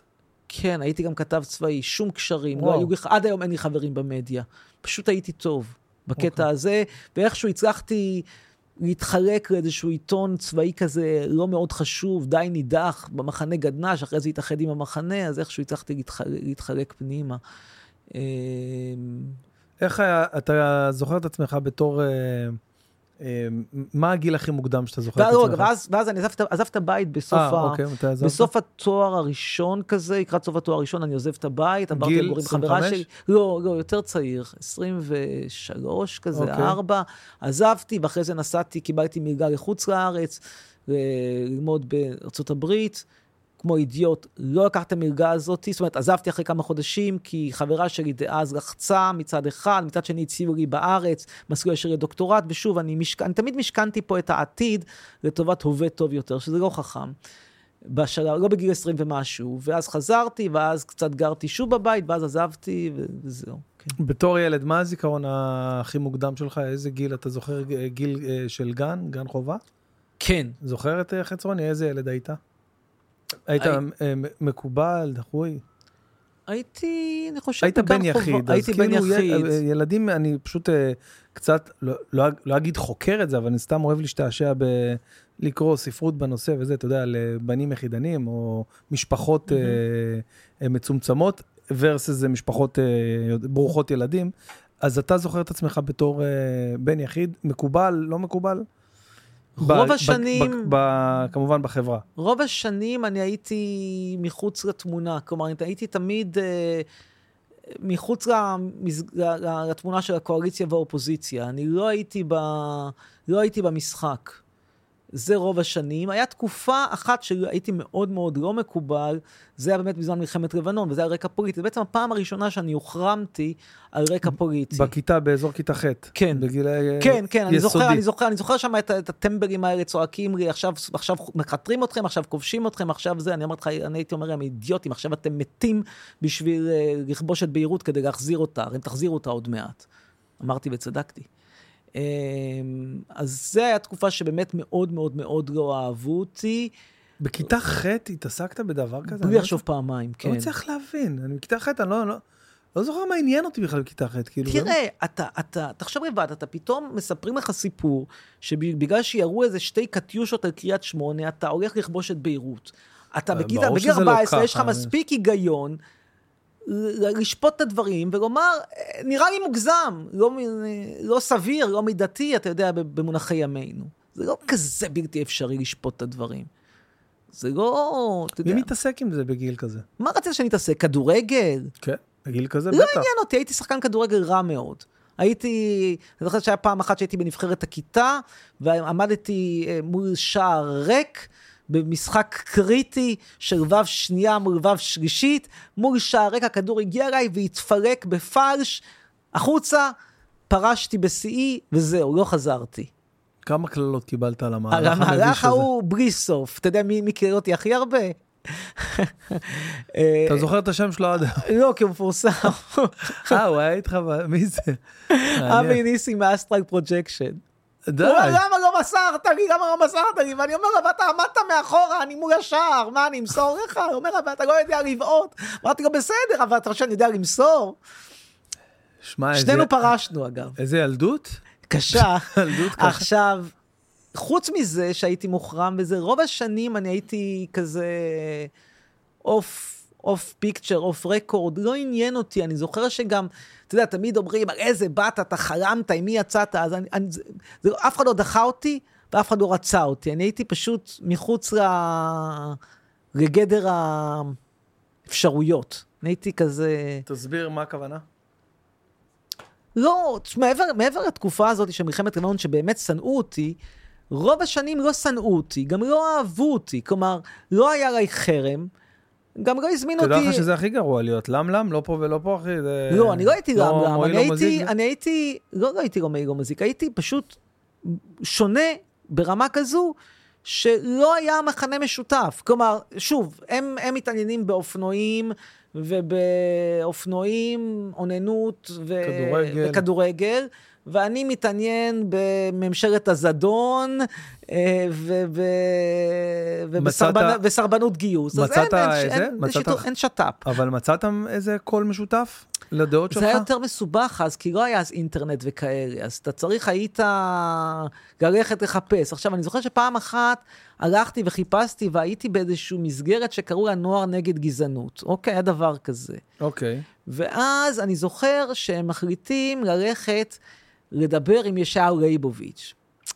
ואני אמרתי, הלכתי איתם וזה, אמרתי, מה זה מעניין אותי? מה אכפת לי מה שהטרח הזה אומר? כאילו, אני צריך את האישור של האדמו"ר הזה לדעות שלי? אני כתבתי על זה גם ב- ב- בספר שלי, ברומן שלי, בפיצוחים, כתבתי על הפגישה הזאת. אה, באיזשהו סוג של אלגוריה, כן? אבל לא בדיוק מילה במילה, אבל כאילו, זה נראה לי נורא מטומטם. אני חושב שמה שהכי אפיין אותי אז, וגם היום, זה חוסר אמון טוטאלי. אני...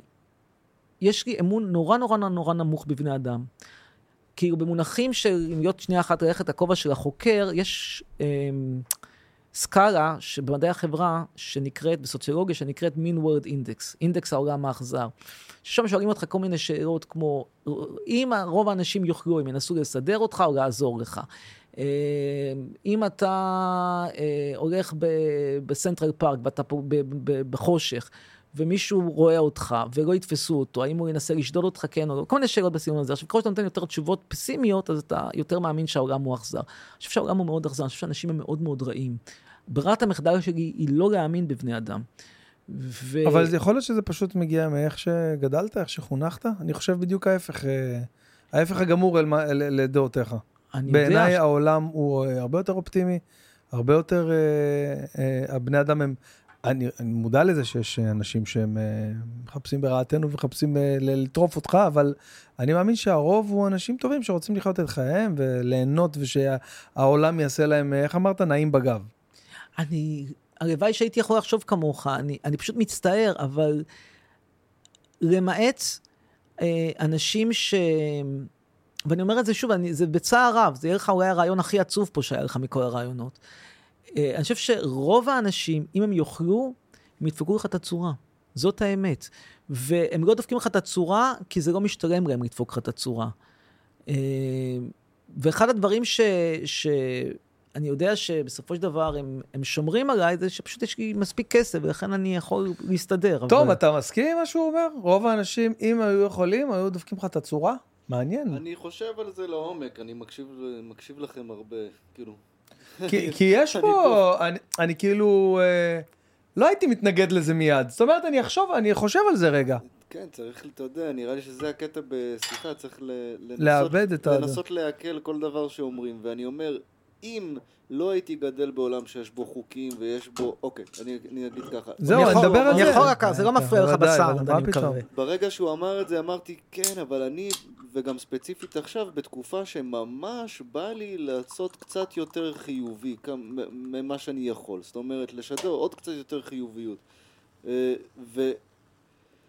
ואז אני אומר כן אבל אולי זה בגלל המערכת אתה יודע של החוקים שאני מכיר ושאני יודע שיש ענישה על דברים מסוימים אז, אז המנגנון שלי הפנימי כבר מכוות באיזושהי צורה ואז אני יודע שיש כן. תמורה יותר חיובית למעשים חיוביים כן. אז, אבל אני אומר, לא יודע, קשה לשפוט את זה. קשה לדעת. נורא קל לשפוט את זה, אני אגיד לך איך אתה שופט את זה. תשפוט את זה בצורה, אני אציע לך- אני אציע לך מבחן אמפירי עם כלל אצבע אמפירי נורא פשוט. תבדוק במצבים שאתה היית בצרה, כמה אנשים שהם חברים שלך עזרו לך וכמה לא. אז ואז אתה תצא את אבל הסטטיסטיקה לא, הזאת. אבל, זה. הסטטיסטיקה הזאת אה, היא, היא משתנה מ- מ- נכון, ממדגם, אתה יודע, ממדגם למדגם, זה מבן אדם לבן אדם. נכון, אבל בניסיון האמפירי שלי, אה, אבל עוד פעם, אבל זה מחזיר אותנו לאותה נקודה שמקורה בילדות שלך, בחינוך לא, של... לא רק, שלא, תראה, אתן לך אולי, דוגמה. אתה יודע, אולי בגלל שגם, לצורך העניין, ההורים שלך החליטו להביא רק אותך ודי, ב- בסוג של פשרה. יכול להיות שאם היה לך עוד אח, היית יכול לצאת... אה, תגיד, יצא לך לראות אה, את, הנטפ... את הדוקו האחרון על שוורצינגר בנטפליקס? לא, וואו, זה ממש מעניין. מתנצל. לא, לא, היית נותן לי שיעורי בית, הייתי לא, רואה לא, לא, קודם. לא, לא, באופן כללי, אני ממליץ לך לראות. אבל אני אה, אתן לך- דוגמה, בוא תראה, אני רוצה כי הוא גדל בבית, כאילו, הוא גדל, ישר שסיפרת לי, פחות או יותר, אז אה, זה זרק אותי לבית ששוורצינגר, גדל בו באוסטריה. לא רוצה לעשות אה, ספוילר למי שעדיין לא ראה את זה, כי זה שווה לראות, אבל אבא שלו באמת היה כאילו אה, מאוד קשה ומאוד, לא יודע אם הייתי מגדיר את זה קונפורמיסט, אבל, אבל אימא שלו גם, היה שם משהו דומה, מה שכן, היה לו אח. שהוא היה איתו כל הזמן והיה ביניהם תחרות והוא דחף אותו להיות הישגי ונניח אם הוא מגלה את הפיתוח גוף אז ללכת ולהיות הכי טוב בדבר.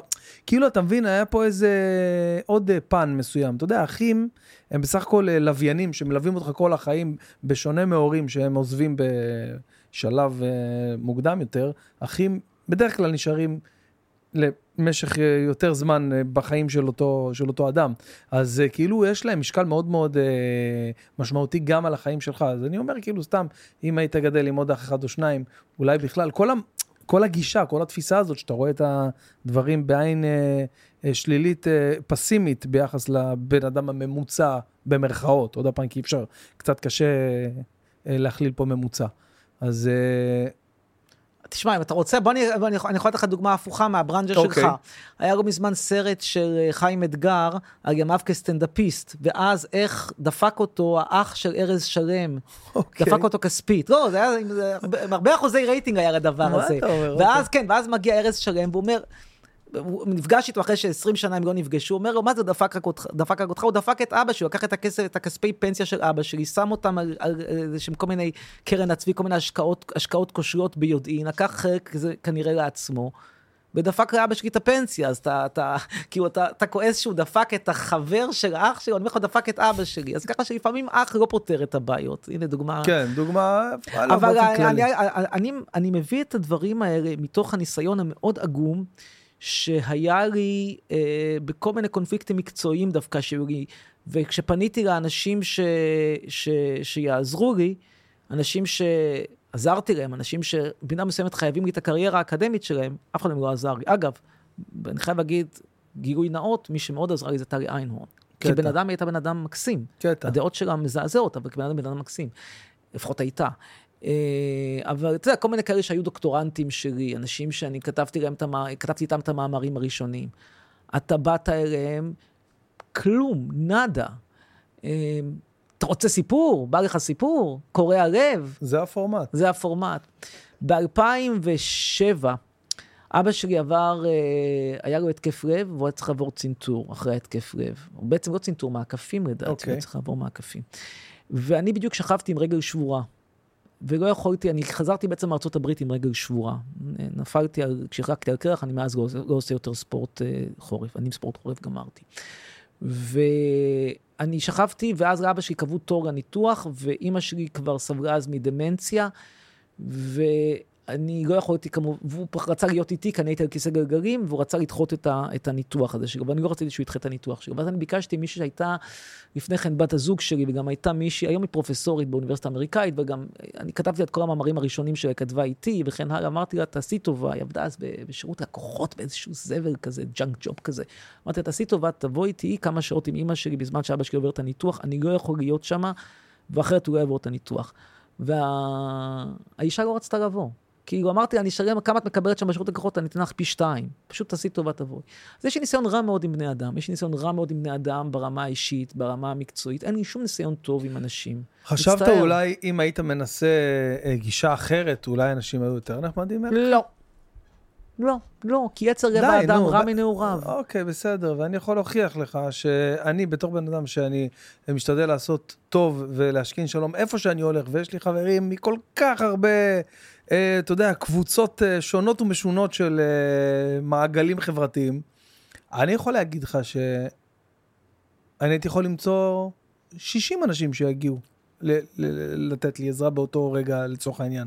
אז אני חושב שזה מתחיל אני... ונגמר, ברור, הנה, זה מתחיל ונגמר, ונגמר במה שאתה נותן החוצה. דיברנו בהתחלה גם על הנתינה והקבלה. אתה לא יכול לצפות לקבל עזרה ברגע שאתה צריך, אה, ולא לעשות לטובת העניין שום דבר whatsoever. עכשיו, עוד פעם, דיברנו על זה מקודם, אתה יכול להביע את מה שאתה רוצה ולהגיד את מה שאתה רוצה, איך שאתה רוצה, ובצורה ה, ה, לפעמים המעודנת שלך, ולפעמים גם איך שזה פשוט יוצא לך. רק פשוט אל תצפה שתיתקע עם האוטו, עם פאנצ'ר, מישהו יבוא ויעזור לך להחליף גלגל. דווקא עזרו לי, נתקעתי לא מזמן. איפה נתקעת? בבית האלפא עזרו לי. בית האלפא. כן. הכירו אותך? כאילו, כן. או, שיעזרו כן. לך כי, אה, לא, כי זו אותי. מדינת היהודים, לא, אתה יודע, שטבעה לא, לעזור. לא, לא, לא, עזוב אותך מטבעה של מדינת היהודים, עזוב, עזוב, זה לא עובד הסיפור הזה. אני אגיד לך למה הוא לא עובד, תקשיב משהו, תנסה רגע אחד, בוא, בוא שנייה. אני, אני איתך, אני מקשיב. תשמע. יש המון המון מחקרים שמראים שגנטית יש אה, לא מעט מן המשותף בין יהודים ממקומות שונים בעולם. וזה נכון. זה כלומר, נכון. כנראה שהיינו פעם עם אחד, במאמר מוסגר יש גם לא מעט גנטית משותף בינינו לשימפנזים, אבל נעזוב את זה רגע אחד. אממה, גנטיקה זה לא כל הסיפור. יש גם עניין של תרבות, של upbringing, של גידול, איפה אתה גדלת, באיזה רקע. עכשיו, כשאני משווה נגיד יהודי שגדל במרוקו עם יהודי שגדל בגרמניה, בסדר, בלי, אבל זה בלי בסיס, לומר מה טוב ומה רע. זה בסיס הגזענות לדורותיה. לא שאני, לא. זה לא גזענות, אני אבל, בא ואומר... אבל תשמע, בסיס הגזענות לדורותיה מושתת על אזורי מחיה וגדילה שונים. זה, זה, בסיס זה הגזענות הוא, אם כבר אתה רוצה, יש הרבה מה לומר על גזענות בישראל, אבל לפני שאני מגיע לגזענות, אני רוצה להגיד איזשהו משהו אחר קטן. אוקיי. כל מה שאני בא ואומר, אני כרגע לא בא ואומר שמרוקו לא, יותר לא, טוב בסדר, או יותר אוקיי, רע. אוקיי, כל מה שאני אוקיי, אומר מתקדם. זה שאחרי אלפיים שנה במרוקו, ואחרי אלפיים שנה נכון, בגרמניה, אנשים יוצאים אחת בגלל התרבות. אנשים יוצאים שונים, ואימא שלי לטוב ולרע יותר דומה לגרמני קיראי מניאק, ופחות דומה לומר למרוקאי שמכינה מופרטה נכון. ומזמינה את שכנותיה. זאת, נכון, זאת חד המציאות. משמעי, נכון. עכשיו, לגבי עניין של הגזענות, אני רוצה להגיד משהו. תשמע, אה, אה, יש משהו בעיניי נורא נורא נורא גזעני, אבל גם מטופש.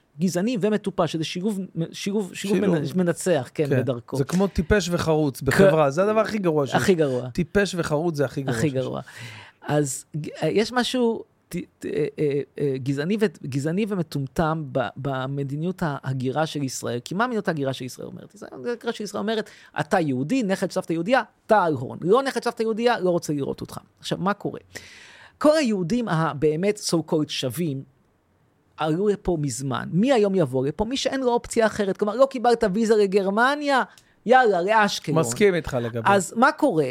אתה הולך ואתה עושה טובה לכל אלה שאתה מבחינתם אפשרות, אפשרות אופציה, אופציה ב' אחרי שאופציה א' לא התממשה.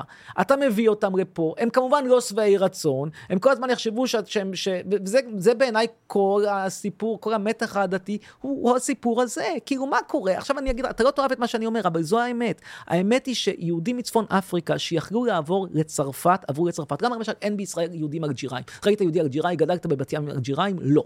נכון? טוניסאים כן, מרוקאים כן, אלג'יראים לא. אלג'יראים יש. מעטים מאוד. מעטים מאוד. למה? כי הם היו כולם אזרחים צרפתים.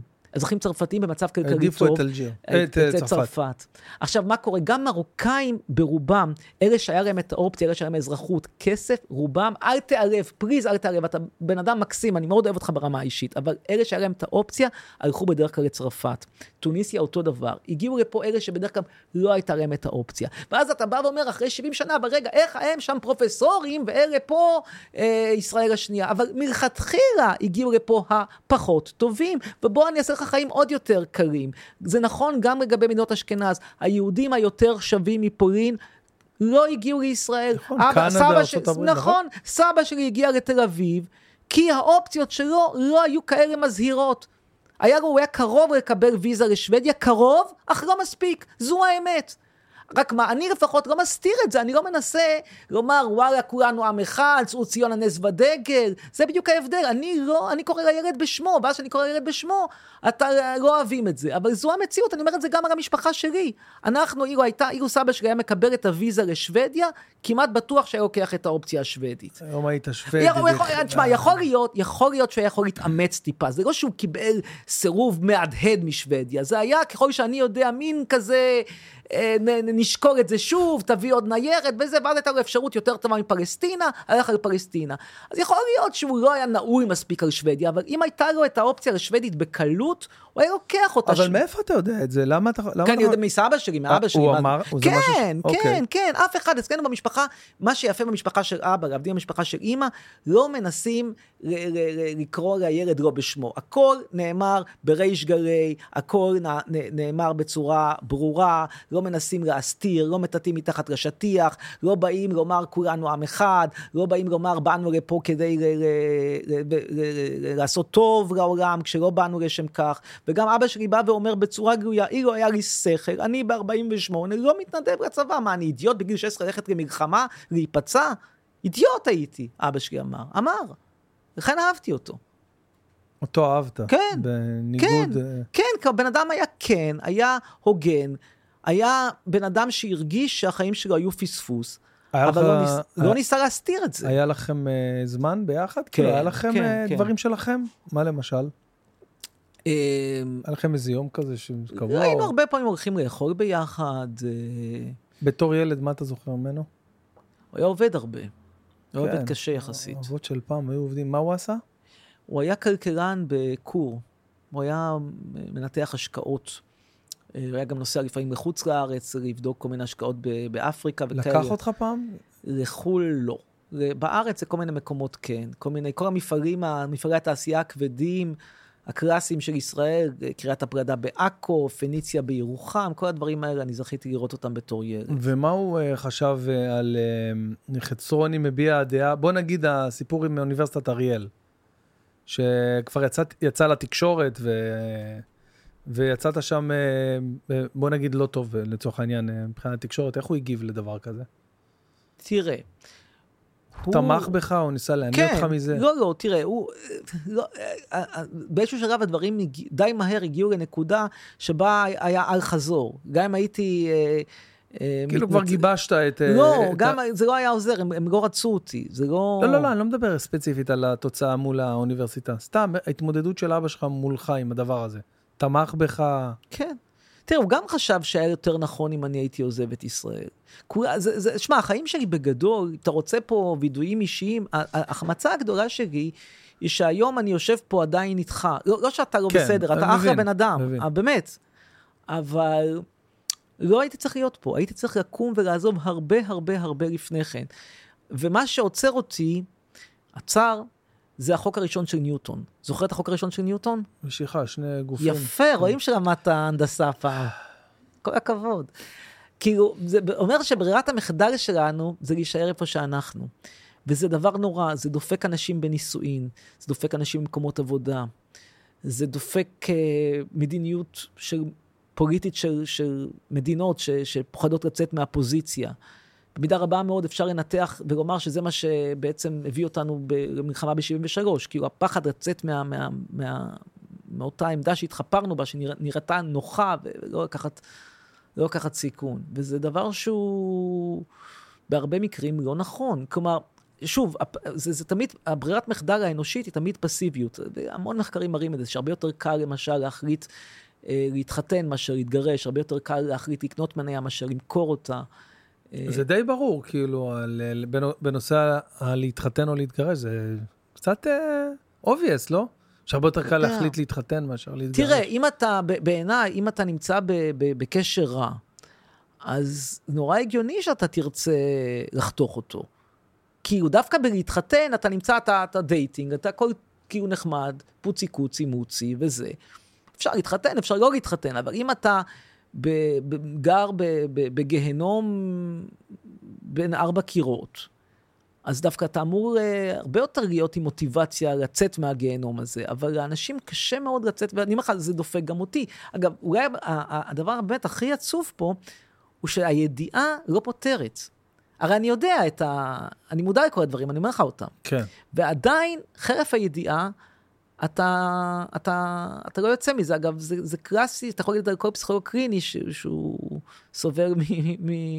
עדיין סובל מבעיות נפשיות, למרות שהוא פסיכולוג ולכאורה הוא אמור לדעת ל, לטפל כן. בעצמו, אבל זה, זה, זה לא עוזר. הידיעה איננה פותרת. מה היה חסר ב... בילדות שלך? אני דווקא מתעכב על הדבר, כי זה את מעניין אותי. שלי. לא, בוא, אני אתן לך, חסר זה שפוך שם? יותר על כל הילדות שלי, תקשיב משהו. אני גדלתי בתל אביב, ב... בעיקר בשנות ה-80, קצת אולי בסוף ה-70's, אבל בעיקר בשנות ה-80. עכשיו, תל אביב של אז, היא הייתה נורא שונה מתל אביב של היום. היא הייתה עיר נורא נורא לא אופנתית, האוכלוסייה עברה דמוגרפית לפרברים. הייתה עיר מרוקנת, כל האזור הזה של לב תל אביב, היית רואה דירות ריקות ומשרדים. אה, לא יאומן.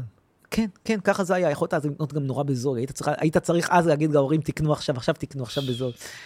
אה, אז גדלתי במקום נורא נורא אופנתי, ואתה ראית את הדיקיי, כאילו, הסביבה הייתה אפורה, כל הבניינים האלה ש, ששיפצו אותם היום, ועשו להם תמות, הם היו כולם עפרפרים ומכוערים נורא נורא נורא.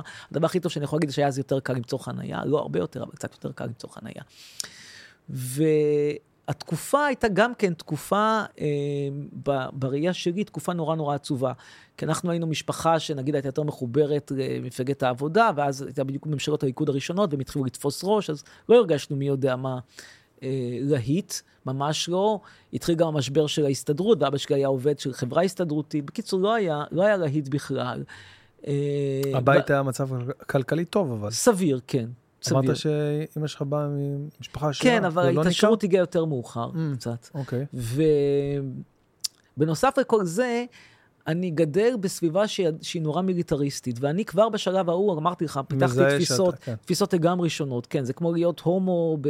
כשכולם מטרוסקסואלים, או להפך. אה, אתה הומו גם? לא ידעתי. סתם, צוחק. אוקיי. ו... למרות כולם אומרים לי שאני הומו, חברה שלי לשעבר אומרת לי שאני נראה כמו קוקסינל. לא, אני נראה כמו קוקסינל? אולי, אולי, טוב.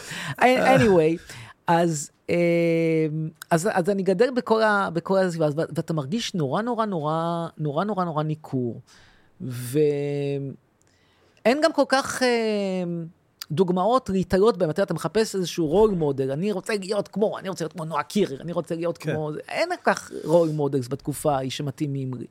מי, מי יכול להיות הרול מודל שלי? אז... מי באמת היה אה, איזה איידול או מישהו שהיית רוצה אהבתי אז, להידמות אז אליו? מאוד אהבתי אז את יונתן... אדם. לא, לא, לא, לא, אתה אהבת את האדם, אני אהבתי את יונתן גפן. יונתן גפן. מאוד אהבתי, כי הלכתי אוקיי. להופעות שלו, אבל הרגשתי שיש, שאנחנו לא באותה ליגה, כלומר, הוא משפחת דיין, אני לא משפחת דיין, הוא יותר מבוגר, הוא כבר עישן המון, שתה המון, אנחנו לא, יש לו טור במעריב, אני בקושי מצליח לפרסם פה ושם מכתב למערכת, ואנחנו לא באותה ליגה. היה לי ברור לגמרי שאנחנו לא באותה ליגה, ושהפער בינינו הוא פער עצום. גם היה עוד איזושהי בעיה, ש... אני הגעתי ממשפחה של עובדי מדינה, ויכולתי אולי לעלות לגדולה אם הייתי רוצה להיות עובד מדינה. אממה, אני רציתי ללכת לכיוון של מדיה ו- ועיתונאות, שזה לא משהו שהמשפחה כל כך הייתה קשורה אליו, כלומר, לא היו לנו את הקשרים הנכונים. אז היה מאוד עצוב. אתה זוכר בעיקר אה, תקופה לא שמחה בילדות שלך. עצוב מאוד, עצוב מאוד, עצוב, עצוב, עצוב, עצוב. תקופה מאוד עצובה, גם המוזיקה אז הייתה עצובה. אתה יודע, כל מיני, השנה מתחילה כן, באמצע ספטמבר, אין לי ארץ אחרת, היו שירים עצובים. לא היו שירים שמחים, זה היה לפני כן. אתניקס. זה היה לפני... עכשיו, אני מאוד, עכשיו, אני חייב להגיד לך שאני עד היום מעדיף את העצבוביות הזאת על השמחה, אני לא, לא מתחבר לשמחה. אולי לכן אומרים לי, אתה לא, גם אתה לא אוהב ולא מתחבר לתרבות המזרחית, אני באמת לא מתחבר, זה לא אני, אני לא שמה. אני לא שמה, אני מגיע ממשהו הרבה יותר דיקיי כזה, הרבה יותר... אה, מלנכולי. כן, נורא, נורא, נורא, אני נורא אוהב את, ה, את המלנכוליה. עכשיו, עוד משהו שלא התאים לי, זה גם כאן היה טרגי, זה האקרים. אני גדלתי בתל אביב, אני אוהב אקרים קר. עכשיו, גם במונחי ישראל, תל אביב היא מקום חם. אף פעם לא ירד שלג. היה מאוד מאוד עצוב, מאוד מאוד מאוד עצוב, במיוחד שאין מזגנים. זה חום, כן, חם אבל ורך. אה, כאילו אני אני מנסה להבין בן אדם שהוא מאוד מאוד מאוד רציונלי. כן. אה, שכמותך, ובן אדם שכאילו מבין, והוא מאוד גם, אה, אתה יודע, הרגש לא משחק אצלך תפקיד, עושה רושם בהחלטות, בקבלת תפקיד החלטות. קטן. תפקיד קטן. איך באמת אתה לא אה, מבין בגיל מאוד מוקדם, אה, קרי אה, 19, 20, 21, אחרי הצבא לצורך העניין השירות הצבאי, שאתה פשוט לא שייך לכאן. אני מבין מצוין, אבל צריך אומץ. לא היה לך את האומץ הזה לא. לקום לעזוב? לא, לא היה לי את האומץ, והיה לי יותר מדי נוח. יש פה בעיה של מצד אחד חוסר אומץ, מצד שני אתה באזור הנוחות, זה בדיוק החוק הראשון של ניוטון, ברירת למרות המחדל. העצבות היה לך נוח. עד היום במידה מסוימת, כן. שוב, אני מזכיר לך, יותר קשה להתגרש מאשר להתחתן. אז זה, זה, זה דבר נורא, אבל למה אתה צריך אותי? עכשיו- עכשיו... היה עכשיו סקר, התפרסם השבוע סקר, ש-30 אחוז מהאוכלוסייה, יותר מ-30 אחוז, שוקרים רילוקיישן. פתאום חצרוני כבר לא לבד, 30 אחוז. 30 אחוז מהאוכלוסייה... אה, היה סקר, אני לא... כן, סקר זה רגע, מתגע... לא יודע. לא, לא, בוא- בוא- אוקיי, בוא, אני- 30 אחוז מהאוכלוסייה שוקלים רילוקיישן? זה התוצאות של הסקר. עכשיו, אוקיי. יחד עם זאת, אותם 30 אחוזים, רובם המוחץ לא, י, לא יהגרו. למה? מאותה סיבה. הקטע הזה של אזור נוחות, של אה, אומץ, זה קטע נורא, נורא, נורא משמעותי בחיים. נורא משמעותי.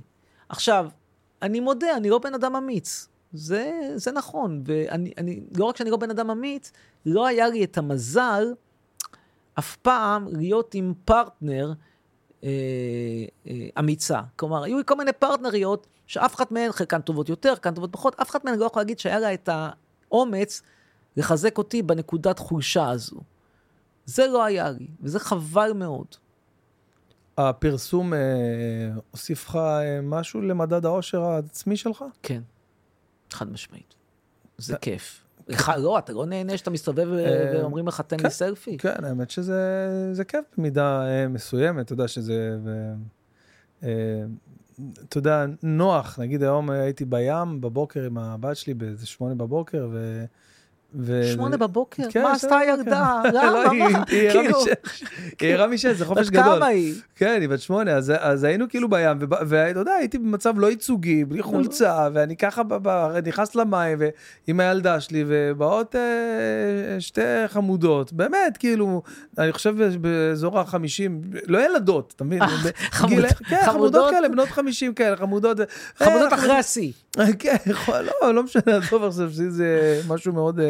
אה, אה, לא לא משנה, בכל אופן, לשם. זאת המציאות. לא, סבבה, על הכיף, בכל אופן, באו והצטלמו איתי וזה.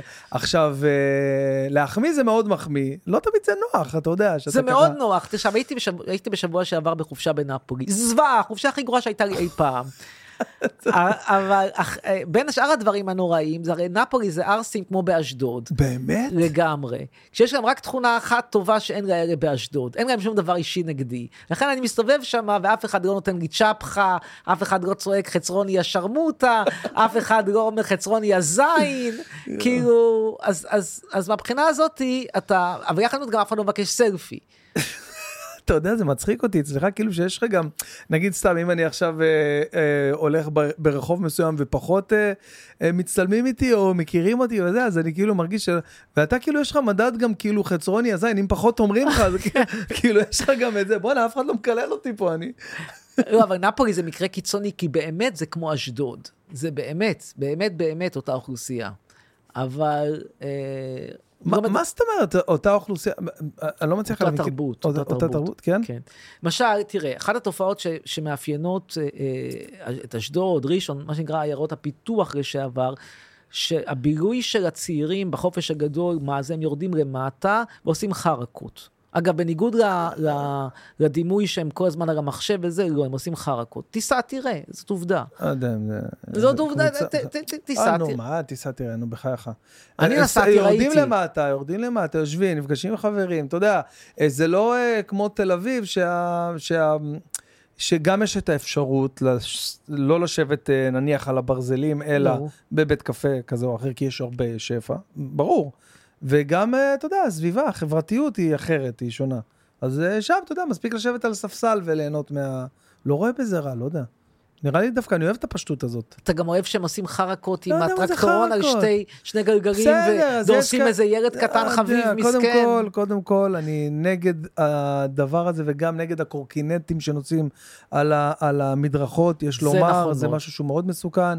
אימא של אה, גיא יוחמן, אה, גיא יוחמן, חבר שלנו, אימא שלו עדיין בבית חולים, למיטב ידיעתי, אה, שולחים לה רפואה שלמה מכאן, מהפודקאסט, וזה פגיעה ישירה של בן אדם שרכב על אה, קורקינט ברכיבה פרועה בכביש, אה, סליחה, במדרכה עם הולכי רגל, ופגע באימא שלו חזיתית, וזה באמת אה, אה, לא נעים, והדבר הזה צריך לגנות אותו, ובאמת לה- להגיד שדי עם הדבר הזה. קורקינט, אתה רוצה לנסוע על קורקינט, סבבה, יקצר לך את הזמן, יקצר לך את הדרך, סע בבטחה, אבל, אבל לא על מדרכה, זה מסוכן מאוד, זה יכול להיות ילד של כל אחד מאיתנו, או, או לא משנה, מישהו קרוב אלינו. אז כן, אני מכיר את התופעה הזאת של הטרקטורונים וזה, אבל בוא, זה ממש כאילו בשוליים. בוא אתן לך דעה לא פופולרית אז יש את. זה גם בנפולי? כן, ואני אתן לך עכשיו דעה לא פופולרית. מדינת ישראל בזמן האחרון, בשנים האחרונות, ואגב היא לא היחידה, פה אנחנו לא חריגים, אני חייב לומר את האמת, מנסה מאוד מאוד לעודד אה, אופניים וקורקינטים וכל הדברים האלה, ואני אומר לך, זה כיוון לא נכון. כי מה שקורה זה שהשילוב של אופניים וקורקינטים עם הולכי רגל מצד אחד ועם תחבורה, רכב- כן. רכבים, הוא שילוב קטלני, קטלני. בטח. הוא שילוב קטלני. עכשיו, מכיוון ש... אז למה באירופה זה עובד? כי יש נתיב נפרד לחלוטין? זה עובד כי א', יש יותר נתיבים. וגם בגלל התרבות, התר- אני מניח, כן. התרבות היא אחרת. וג', צריך לומר את האמת, גם פחות שם... חם. פחות חם, תרבות אחרת. וג', גם שם זה לפעמים בעייתי. גם שם זה לפעמים בעייתי. פחות מאשר כאן, אבל גם שם זה לפעמים בעייתי. שמע, בוא נגיד, אני, אני, אני פה עכשיו איקונוקרסט. ו... סליחה, מה זה? אני לא יודע מה זה. שוב, מנפץ אה, פרות קדושות, פרות, מנפץ מיתוסים, אוקיי. כן. אני איקונוקרסט, ואני אומר לך שהרכב הפרטי, שכל כך הרבה משמיצים אותו, בסופו של דבר זה לא מקרה שהוא כל כך פופולרי. הוא נוח, אנשים רוצים לנסוע באוטו שלהם, לא לנשום את האוויר מלא הקורונה והווירוסים ברכבת התחתית, לא אה, לדרוס איזושהי זקנה מסכנה עם, ה- עם הקורקינט. אה, להיות במצב שבו הם יכולים לקחת את הילד שלהם בלי שמישהו ייגע בו, ו- ושה, ושהאישה תוכל לנסוע בלי שמישהו יטריד אותה, וזה לא מקרה שרכב פרטי הוא כל כך פופולרי, זה לא דבר כזה אבל רע. מבחינת תשתיות, ברגע שהאוכלוסייה גדלה.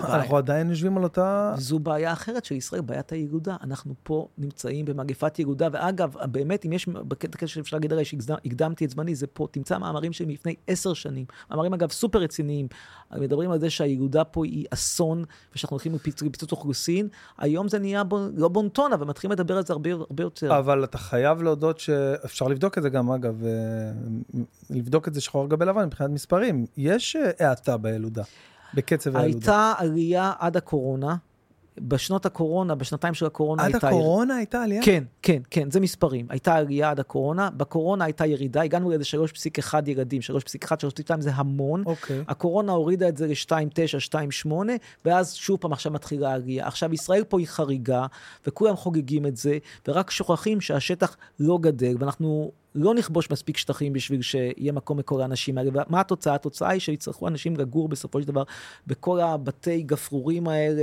כמו בהונג קונג, כמו בסינגפור, כן, וכמו נכון. שעכשיו אתה מתחיל לראות במערב ראשון, ובמזרח נתניה, ובמערב לוד, וכן הלאה וכן הלאה. והדבר הזה הוא לא נעים. בן אדם רוצה לקום. ושתהיה לו את הגינה הקטנה שלו, הוא רוצה לקום בלי שהוא יהיה עם מיליון שכנים באותו בניין, אבל אם בן אדם וזה מעדיף, לגיטימי. מעדיף שתהיה לו דירת 100 מטר עם מרפסת בראשון וארבעה ילדים בבית, חמישה ילדים. זה לא לגיטימי, זה העדפה, העדפה של בן אדם, הוא רוצה משפחה תראה. גדולה. כיף לי, רעש, עניינים. אה, לא יודע, שני כאילו דברים. אני אגיד על זה. קודם כל, קודם כל, כל המחקרים מראים שרוב האנשים, למה רוב המחקרים? אני אשאל אותך, עזוב, אני רוצה לשאול אותך כן. שאלה. בהינתן שיש לך את האופציות, מה אתה מעדיף? יש לך את ה... המחיר, המחיר לא משנה, אני אתן לך בחינם, אוקיי? מה אוקיי. אתה מעדיף? אחד, דירה במגדל, שתיים, דירה בבניין דירות קטן, אני יודע, שלוש, ארבע קומות, ג', וילה של עצמך, מה אתה מעדיף? אני, כשלעצמי, אני... כן, מה אתה אה, מעדיף? אני מעדיף אה, אה, די- דירה בבניין קטן, לא גדול, לא מגדל. כי, כי אני... וילה. וילה, הרוב יגידו וילה. הרוב אומרים הרוב וילה. יגידו וילה. הרוב אני- אומרים אני וילה פשוט... בהפרש גדול מאוד. אני אגיד לך למה. אני אגיד לך למה. קודם כל הייתה לי את האופציה לעבור לווילה כמה וכמה פעמים במהלך הדרך. אה, אני בגלל שאני נמצא, מה שנקרא on the road הרבה, גם אה, בארץ, גם בחו"ל, עכשיו יש לי סיבוב הופעות בארצות הברית בהצלחה. באוקטובר, תודה. אז כאילו, אה, אשתי הרבה יותר נעים לה להיות לבד בבית שהוא לא בית פרטי על קרקע. זה, זה התפיסה הבסיסית, שאני לא בבית, אוקיי? אפשר לחשוב, וארנולד שוורצינגר עכשיו ואני נמצא בבית, אבל עדיין. כשאני לא בבית, היא מעדיפה להיות בבית עם שכנים, סתם, הרגשת ביטחון. עכשיו, גם לביטחון יש ערך, לא רק לגודל של זה הדירה נורא, אתה יודע ולעלות למה שלה. זה נורא? כי זה בדיוק מה שאימא שלי אמרה, כשאבא שלי כל הזמן רצה לעבור לווילה, זה מה שהיא אמרה, והיא דפקה. לו את החיים, לאבא שלי. אתה לא יודע, אני זוכר את הוויכוח הזה, ואני זוכר אותה אומרת את זה, זה דבר נורא, אשתך היא רפליקה של אימא שלי, אני לא יודע, היא במקרה, היא במקרה מגיעה מצ'רנוביץ, היא מדברת גרמנית שוטפת, ממש לא, איפה... איך זה יכול להיות? איפה אה, אה, אותה אישה שהכרת לנו ואיפה אשתי? לא, שני דברים שונים. אבל מה מה הפשרה? יש פשרה. דירת גן. דירת אה, גג, אה, זאת אומרת פנטהאוז. פנטהאוז בעיניי זה סוג של, אתה יודע, סוג של וילה על הגג. כזה, או וילה עם אה, וילות צמודות ליד. לא, זה עדיין עכשיו, לבד מה העניין? כזה. עכשיו, רגע, שנייה, אני אגיד לך מה, מה, מה הנקודה. הנקודה היא שכח... ש... אה, נוטים לחשוב, ש... וזה נכון אגב, זה לא נוטים לחשוב, זה נכון שככל שאנשים גרים ב... ב... יותר בווילות פרטיות, אז יש פחות קהילתיות. זה נכון. אני גר ביישוב נורא נורא קהילתי, נורא נורא, נורא עם של וילות פרטיות, ו... ו... ואין לי שום קשר עם גם השכנים. אתמול הייתי באיזה איזה קטע. לא ידעתי שאתה מגיע, אני לא מצליח, לא מבין איך הם מצליחים לעשות שם את ההופעה שלך בלי למכור כרטיסים ביישוב קודם, אני, לא היה מושג הם שאתה מכרו מופיע. את כל הכרטיסים ביום באותו יום. אבל איך ידעו שאתה מגיע? לא היה הם פרסמו מודעות. את זה ב... ב- לא יודע, במיילים, לא יודע מה. תשמע איזה קטע, אני מגיע ל... נו. ל... אפשר להגיד אה, כרמי כן, יוסף? מה? אני מגיע לכרמי יוסף, ואני פונה שמאלה, כאילו, בשלט עץ הזה שהם הם מכו- הם- הם מכווין לכרמי יוסף. ואתה מתחיל לעלות את העלייה ו- הקשה. לא, כן, ואני אומר, מה זה, כרמי יוסף, כרמי יוסף, מי גר פה? כרמי יוסף? יובל לא, נוח הררי. לא, יובל נוח הררי, לא, חצרוני, גם יובל נוח הררי גר שם. אז זהו, אז, אה, אז אמרתי, וואי, ואז, אה, כן, כי, אה, דיברנו אבל לא ראית את כרמי יוסף, הבית ספר הזה הוא בכניסה ליישוב. אה, נכון, אני הייתי בכרמי יוסף, הלכתי, התעניינתי על, אה, בחלק מהרצון שלי לעבור לבית פרטי, הלכתי לראות שם כמה אה. דירות. כן, הלכתי לראות שם כמה דירות, אבל, אה, כמה בתים, אבל אה, שוב פעם, זה נפל על הקטע של, אה, אתה יודע, ששירן פשוט אמרה לי, אני לא יודעת, נראה לי שאני מפחד להיות פה לבד. טוב, זה כל- גם לא בעיר. זה היישוב לא- הכי- כן, זה לא זה היישוב הכי נכון. בטוח ב- בישראל. לא. הפשע הכי גדול שקורה שם זה שהצ'חצ'חים המקומיים הורסים לי את הפח זבל. זה הפשע הכי גדול. כל יום שופכים לי את הפח זבל. תוך? כדי שהם צועקים חצרוני המניאק, ואז אני אומר, אתם רואים מה שקורה כשלא עשו סלקציה כמו שצריך, אז אומרים, לא צריך לעשות סלקציה, לא, לא צריך לעשות סלקציה, בבקשה, פח זבל הפוך. אה, אז אתה רואה, אתה רואה אם אתה צריך להתעסק. אתה רואה אם אתה אה, צריך... ובעיר להתעסק. זה לא יקרה. לא, לא קשור בעיר. בעיר אתה... תאמין לי שגם אם היית. שם ולא היית עכשיו אה, בא ו... טוב, דיברנו על זה. אבל נכון? רגע, שנייה, כן. לגבי זה, אז מה קורה? כולם יגור, אם, ברגע שאתה הולך ואתה... הרוב, יח... הרוב, הרוב רוצים, רוצים וילה. וילה. עכשיו, עכשיו, בשביל להרשות לאנשים וילה, אתה צריך באמת להתחשב בש, ב, ב, ב, בשטח, בשטח המדינה. ברור. ומה שקורה זה שבישראל, אני, עכשיו יש לי משפט יפה, תתכונן, 4, 3, 2, 1, 0, רוצים לחיות ברמת חיים של איסלנד, אבל יורדים ילדים כמו בוולטה עילית. זה לא הולך. ועושים עושים ילדים ילדים כמו מבואות העילית, נלחמים מלחמות כמו פקיסטן, ורוצים לחיות ברמת חיים של איסלנד. זה הטרגדיה שלנו. זה המוח היהודי. לא, זה לא מוח יהודי, זה, החלט, זה, זה, זה, זה משהו שהוא הוא, הוא חוסר הבנה של המגבלות שלך. אתה פשוט לא מצליח, תשמע, מה קורה? למה אנשים פה, כל הזמן מדברים על יוקר המחיה, וזה היה לך גם את זליכה שהסביר לך שהכל זה המונופולים, וזה יוקר המחיה בגדול, אתה לא מסכים איתו? ש... אני מסכים איתו, כן. אבל הוא שוכח לומר, ו- וכולם שוכחים לומר את, ה- את, ה- את המובן מאליו, ריבוי ילדים במעמד בינוני, וכמובן במעמד נמוך, מוריד את יוקר המחיה. עכשיו, אני לא אומר לך לא להביא ילדים. מוריד את יוקר המחיה? מוריד מה- את, ה- את רמת? החיים, מוריד את רמת החיים, אוקיי. כמובן מעלה את יוקר המחיה, מוריד את רמת החיים. עכשיו, אני לא אומר לך לא להביא ילדים, אני רק אומר לך, תיקח בחשבון שאם אתה מעמד בינוני, ואתה רוצה להביא שבעה ילדים, זאת תהיה בעיה. אם אתה מיליארדר, כמו אילון מאסק, תביא כמה ילדים שאתה רק רוצה. זה לא ישנה את התמות, זה לא ישנה לך, לא ישנה לך כלום. אבל אם אתה לא אילון מאסק, תיקח את זה בחשבון מבחינת המחיה, תיקח את זה בחשבון של כמה תוכל להעביר לילדים בוא, בוא, שלך. בוא נגיד שנייה משהו קצת כן, יותר בבקשה. ריאלי מאלון מאסק. בבקשה. בוא נגיד משהו יותר ריאלי, בוא, בוא ניתן דוגמה קצת יותר ריאלית מאלון. אילון מאסק יש אחד. בוא נגיד משהו קצת... בוא ניקח דוגמה של... אמיר חצרוני. כמה אבל- ילדים, כמה ילדים אתה רוצה? אני, בוא נגיד ככה, נגיד לך לא, ארבעה, נגיד נכון? ארבעה, כן. אז ארבעה. עכשיו צריך- תראה, אתה צריך, ארבע, ארבעה ילדים יצטרכו ארבע דירות. אה, אתה מסתכל על זה גם. בוודאי. אז שיקנו לעצמם ארבע דירות. למה אני צריך לקנות אבל, להם? אבל מאיפה יגיעו הדירות האלה? שיקנו לעצמם ארבע איך דירות. אפשר לקנות פה דירות? נכון, זה בעיה אחרת, אבל אני לא, אומר... הכל קשור, זה אותן בעיות. אוקיי, אני, אז אני רגע. אומר אז- שוב, אתה, מה, מה קורה? עליית הילודה, מאז שנת 95 מתחילה עלייה דרמטית בילודה בישראל. זה המספרים. אגב, זה, זה בקורלציה מושלמת. מ-95... אני- כן, וזה בקורלציה מושלמת אחד לאחד עם ממשלת נתניהו. אל תשאל אותי לא, אז- למה, זה הקורלציה. דווקא, דווקא, אני- מי היה ב-92? אני קראתי שזה מ-92 לא, יש עלייה 95. בילודה. 95, בדקתי את זה. בוודאות? כן, אוקיי. מוחלטת. עכשיו, יש עלייה, ב... עכשיו, אני לא בא ואומר לך, החלטתי להיכנס להיריון בדיוק כי שמעתי שנתניהו זוכה בבחירות. אני לא אומר לך שזה היה ככה, אבל אתה רואה פה את הקורלציה. עכשיו, זה קשור כנראה מן הסתם בהגדלת הקצבאות לילדים בזכות הממשלות עם החרדים וכן הלאה, מן הסתם יש פה איזשהו קשר די ברור. ואז הילודה עולה, עולה, עולה, עולה, למעט שנתיים שבהם היא יורדת, שזה שנתיים של הקורונה, והתקופה שנתניהו כשר אוצר מוריד את הקצבאות, 2003, 2004. עכשיו אתה אומר עולה עולה, רגע,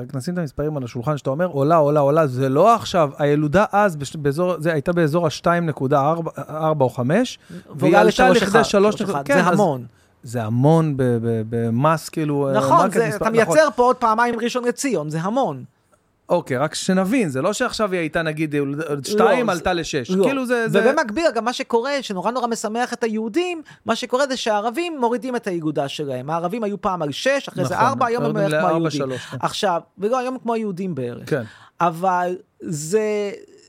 זה, זה לא נובע מזה שניצחנו אותם והם הבינו ש, שאבוד להם, לא, זה, זה נובע מזה שהם נהיו מערביים, ואנחנו, למרבה הצער, הלכנו לכיוון של העולם השלישי, וזה נורא נורא מצער. עכשיו, תשמע, זה לא מקרה שבאירופה יש מעט ילדים. יש קורלציה מאוד מאוד ברורה בין משפחות קטנות לבין מדינות איכות. יותר ליברליות, יותר עשירות, אה, פחות מלחמות. איכשהו כל הדברים באים פה בקורלציה. ואנחנו הולכים לכיוון לא נכון. אתה רואה את הכיוון, אתה רואה, ואתה שואל אחרי זה למה אני פסימי ולמה אני חושב שהמצב הוא לא טוב. כי אנחנו הולכים לכיוון הלא נכון, ואף אחד לא חושב לעצור את זה לרגע אחד. להפך, כל הזמן שנותנים פה, מסבסדים פה טיפולי פוריות בלי סוף, מסבסדים פה כל מיני אימוצי ילדים גרנדיוזיים, ואני... אה, תומך מושבע בזה שייתנו להומואים להביא ילדים ולטרנסג'נדרים ולכולם. העניין הוא שאנחנו פה שוכחים בדרך שלדברים האלה יש עלויות מטורפות. עלויות מטורפות לא רק ב, ב, ב, בכסף שעולה להביא את הילדים, אלא בכסף שאחרי זה עולה הגידול שלהם, ב, ב, ב, ב, ב, בצורך לבנות דירות לכולם. אם לא היו פה ככה הרבה ילדים, לא היו צריכים לבנות פה ככה הרבה דירות, ולא היה לך משבר דיור כזה נורא. סליחה, אדון זליכה, את זה אתה שוכח. אתה כל הזמן מונופולים, מונופולים, מונופולים, מונופולים. יופי, נכון, מונופולים. אבל מה עם זה שמביאים פה הרבה מאוד ילדים? שכחת את זה. את זה אף אחד, זה אף אחד, זה, הפיל, הפיל שב... כמה. שנים לוקח ל... לשנות אה, את גרף הילודה, זאת אומרת, בצורה משמעותית? נניח להוריד את המספר לשניים. תראה, זה דור וחצי, זה. לא? השאלה איך עושים את זה. אם אתה הולך כמו לפחות. שהסינים עושים, ומודיע, מי שמביא יותר משני ילדים, אני דוחף לו מס הכנסה של 80 אחוז, יכול להיות שכבר מחר זה ירד. אבל מן הסתם לא, לא, אתה לא כמה זמן תעשה את לוקח זה. לזה? זה- זה דור. תראה, אתה ראית ש... להרגיש בהבדל. תראה, אתה ראית ירידה של 20% בילודה אצל החרדים והבדואים ב-2003-2004, כשנתניהו הוריד את הקצבאות.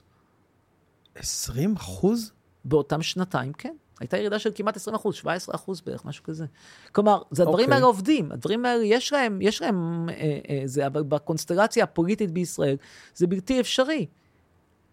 אנחנו כל כך הכנסנו ל-DNA התרבותי, שילדים ומשפחות גדולות זה דבר טוב, עם כל מיני נימוקים, נוח, בעיניי, סורי, ביזאריים. כלומר, בגלל השואה, אנחנו צריכים להביא ילדים. זאת אומרת, היטלר, שמת ב-1945, יכתיב לך היום כמה ילדים להביא? מה, אתה, אתה, אתה, אתה, אתה שפוי? אני לא מדבר אליך ספציפית, כן. כן? זה לא נורמלי. זה פשוט לא נורמלי. כאילו, להילחם במלחמה הדמוגרפית, אתה, אתה, מבין, אתה, אתה מבין פה את המחיר המזעזע של התמשכות הסכסוך עם, ה, עם הפלסטינאים. אתה נכנס פה, פה למלחמה דמוגרפית, שאת, שבסופו של דבר אתה מפסיד בה, כי אתה הופך את ישראל לבטונדה מקיר לקיר. פשוט בטונדה מקיר לקיר. אתה נוסע היום בכביש, וזה דברים שאני זוכר מצוין. כביש 2, מתל אביב לחיפה, היום הוא בטונדה אחת גדולה, הוא לא היה בטונדה. היה, היית נוסע מ- מ- מתל, בין, תל, בין הרצליה לתל אביב היה, היה, היה שטח ריק. בין הרצליה לנתניה היה שטח ריק. בין נתניה לחדרה היה שטח ריק. בין חדרה לקיסריה, אחרי שעכשיו אין הכל כלום, בניינים הכל, עכשיו. הכל זה בניינים, הכל עם השלט של אה, אברהמי ו- אברהמי. ו- ו- מצלאוי ו- וכל ה- ומצלאוי וכל החבורות האלה, ובצלאל וכל זה, כל אחד שם, כל קבלן. כל קבלן, פרשקובסקי, כל אחד נותן לעצמו שם שלט עם רדים כזה, נהיו ה- ה- האלים החדשים של, אה, של כביש החוף, וזה דבר נורא. אתה מבין, אתה, אתה, אתה, אתה, כשאני הייתי, ביקרתי בהונג קונג, פעם ראשונה ב-2005, אני אמרתי, איזה זוועה- איזה זוועה זה לגור ככה, פתאום אני היום חושב, ככה זה נראה היום, ככה נראית היום ישראל, וכל הזמן דוחפים אותך עוד ועוד לבנייני גפרורים האלה, ש... אבל מה עם, אה, מה עם אה, חופש האדם וחירותו, לצורך העניין, בדבר הזה? אוקיי, ערך יסוד. לצורך העניין, עכשיו בן אדם רוצה להביא עשרה ילדים, הוא אוהב משפחה מרובת ילדים, הוא, זה, זה מה שהוא אוהב, תן תראה. לי לאכול לחם צר ומים לחץ, ואני מבסוט, תן לי עשרה ילדים.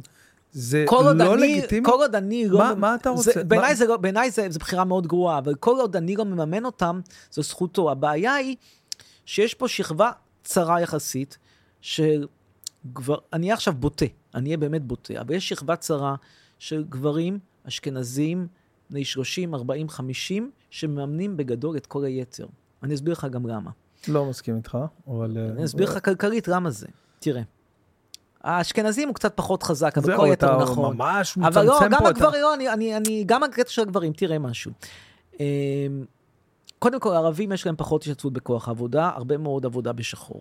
ואני מאוד אוהב את הערבים, אבל אין מה לעשות, זאת מציאות. חרדים, הכל ידוע, אני לא חושב שיש משהו להוסיף עליהם שלא נאמר. דתיים לאומיים ומתנחלים עובדים, עובדים יפה, אממה, איפה הם עובדים בדרך כלל? הם עובדי מדינה, בדרך כלל עובדים שם בכל מיני התנחלויות, אחד מש"ק גינון, שני, שני מש"ק דת, אוקיי. שלישי זה, תודה רבה. בסדר, שוב, בלי הכללות. אבל יש לי- יש לי רואה- כמה אבל אה, אחוזי- אבל- אנשים שאני מכיר, חברים טובים, שעובדים בחברות אה, נסחרות, הכל טוב. בסדר, אבל האחוז, האחוז עובדי המדינה שם הוא, הוא גבוה. אחוז עובדי כן, המדינה אחוז גבוה, זה בסדר אחוז להניח את זה. ככה. הלאה, רגע, בוא נמשיך איתם. נשים מול גברים. נשים בדרך כלל עובדות בעבודות של פחות שעות, משרות בדרך כלל יותר חלקיות, משכורות יותר נמוכות. הם טוענים שדופקים אותם, רק הן שוכחות שכשאתה עובד בתור מורה אה, בבית ספר יסודי, אז את תרוויחי פחות מאשר הייטקיסט שעובד, כי יש לך חודשיים חופש בשנה, ועוד פסח, ועוד... אה, אוקיי. יופי, הלאה. עכשיו, למה הכנסתי גם את הפרמטר העדתי? כי אתה עדיין רואה שיש פערי הכנסה, ועדיין יש סקטורים שהם יותר מסובסדים. למשל, אתיופים, אתה באופן שיטתי, אתה מסבסד אותם, אתה מעביר להם יותר ויותר תשלומי העברה. טוב או רע, עזוב, בוא נגיד שזה מצוין, בוא נגיד שנועדנו לסבסד אותם, עדיין זאת עובדה. אז מה קורה? אני ושכמותי מסבסדים את כל היתר. עכשיו, זה נורא נורא בולט בקטע של הילדים. אין לי בעיה, תביא ארבעה, חמישה, שבעה ילדים, כמו בשיר. תביאו עשרה כן. ילדים, אלוהים, זה כן. יופי. אממה, למה אני צריך לשלם את החינוך שלהם? תשלם אתה. הבאת את הילדים, אני לא הבאתי אף אחד. אני לא מבקש שאתה תממן לי את הילדים שלי. אני לא רוצה לממן את הילדים שלך בכיף. שיהיו, שישגשגו, שילכו לים, לבריכה, הכל טוב ויפה, לא על חשבוני. בסדר, אחלה, כאילו, אחלה, מבין מה אתה אומר, מבין מה אתה אומר, אני- אבל לא, כאילו, לצורך העניין, לשם הדוגמה, אני, במשוואה הזאת, יש לך מושג, אתה חריג. אתה יוצא אוקיי. מן הכלל. אה, אתה יוצא מן הכלל במקצוע, אתה יוצא מן הכלל ב... אתה, אתה לא דוגמה לשום דבר, אתה, אתה אידיוסינקרטי מדי. אוקיי, קשה לי, אין, אין, אין, אין הרבה דוגמאות. כמה, תשמע, כמה אנשים יש במקצוע הסטנדאפ? כמה לא, אנשים לא, יש במקצוע הסטנדאפ. שהם לא, מצליחנים? כאילו- זה, חריג. אז אבל- בעצם אתה אומר לי, שמע, כל עוד, הדבר הזה נופל על אה, על התלות, על התלות ב... ב- מה הבעיה שלי עם ש"ס? הבעיה שלי עם, עם, עם, עם, עם, עם, עם, עם המריה של ש"ס, זה לא כל כך שהם מאמינים בשטויות, אם זה בסדר, שהם יאמינו בשטויות ואני לא, וצדיק באמונתו יחיה, כמו שאמר חבקוק. לא איש באמונתו יחיה, צדיק באמונתו באמת, איש יחיה. הישר בעיניו יעשה. כן. חיברו פה שני כן.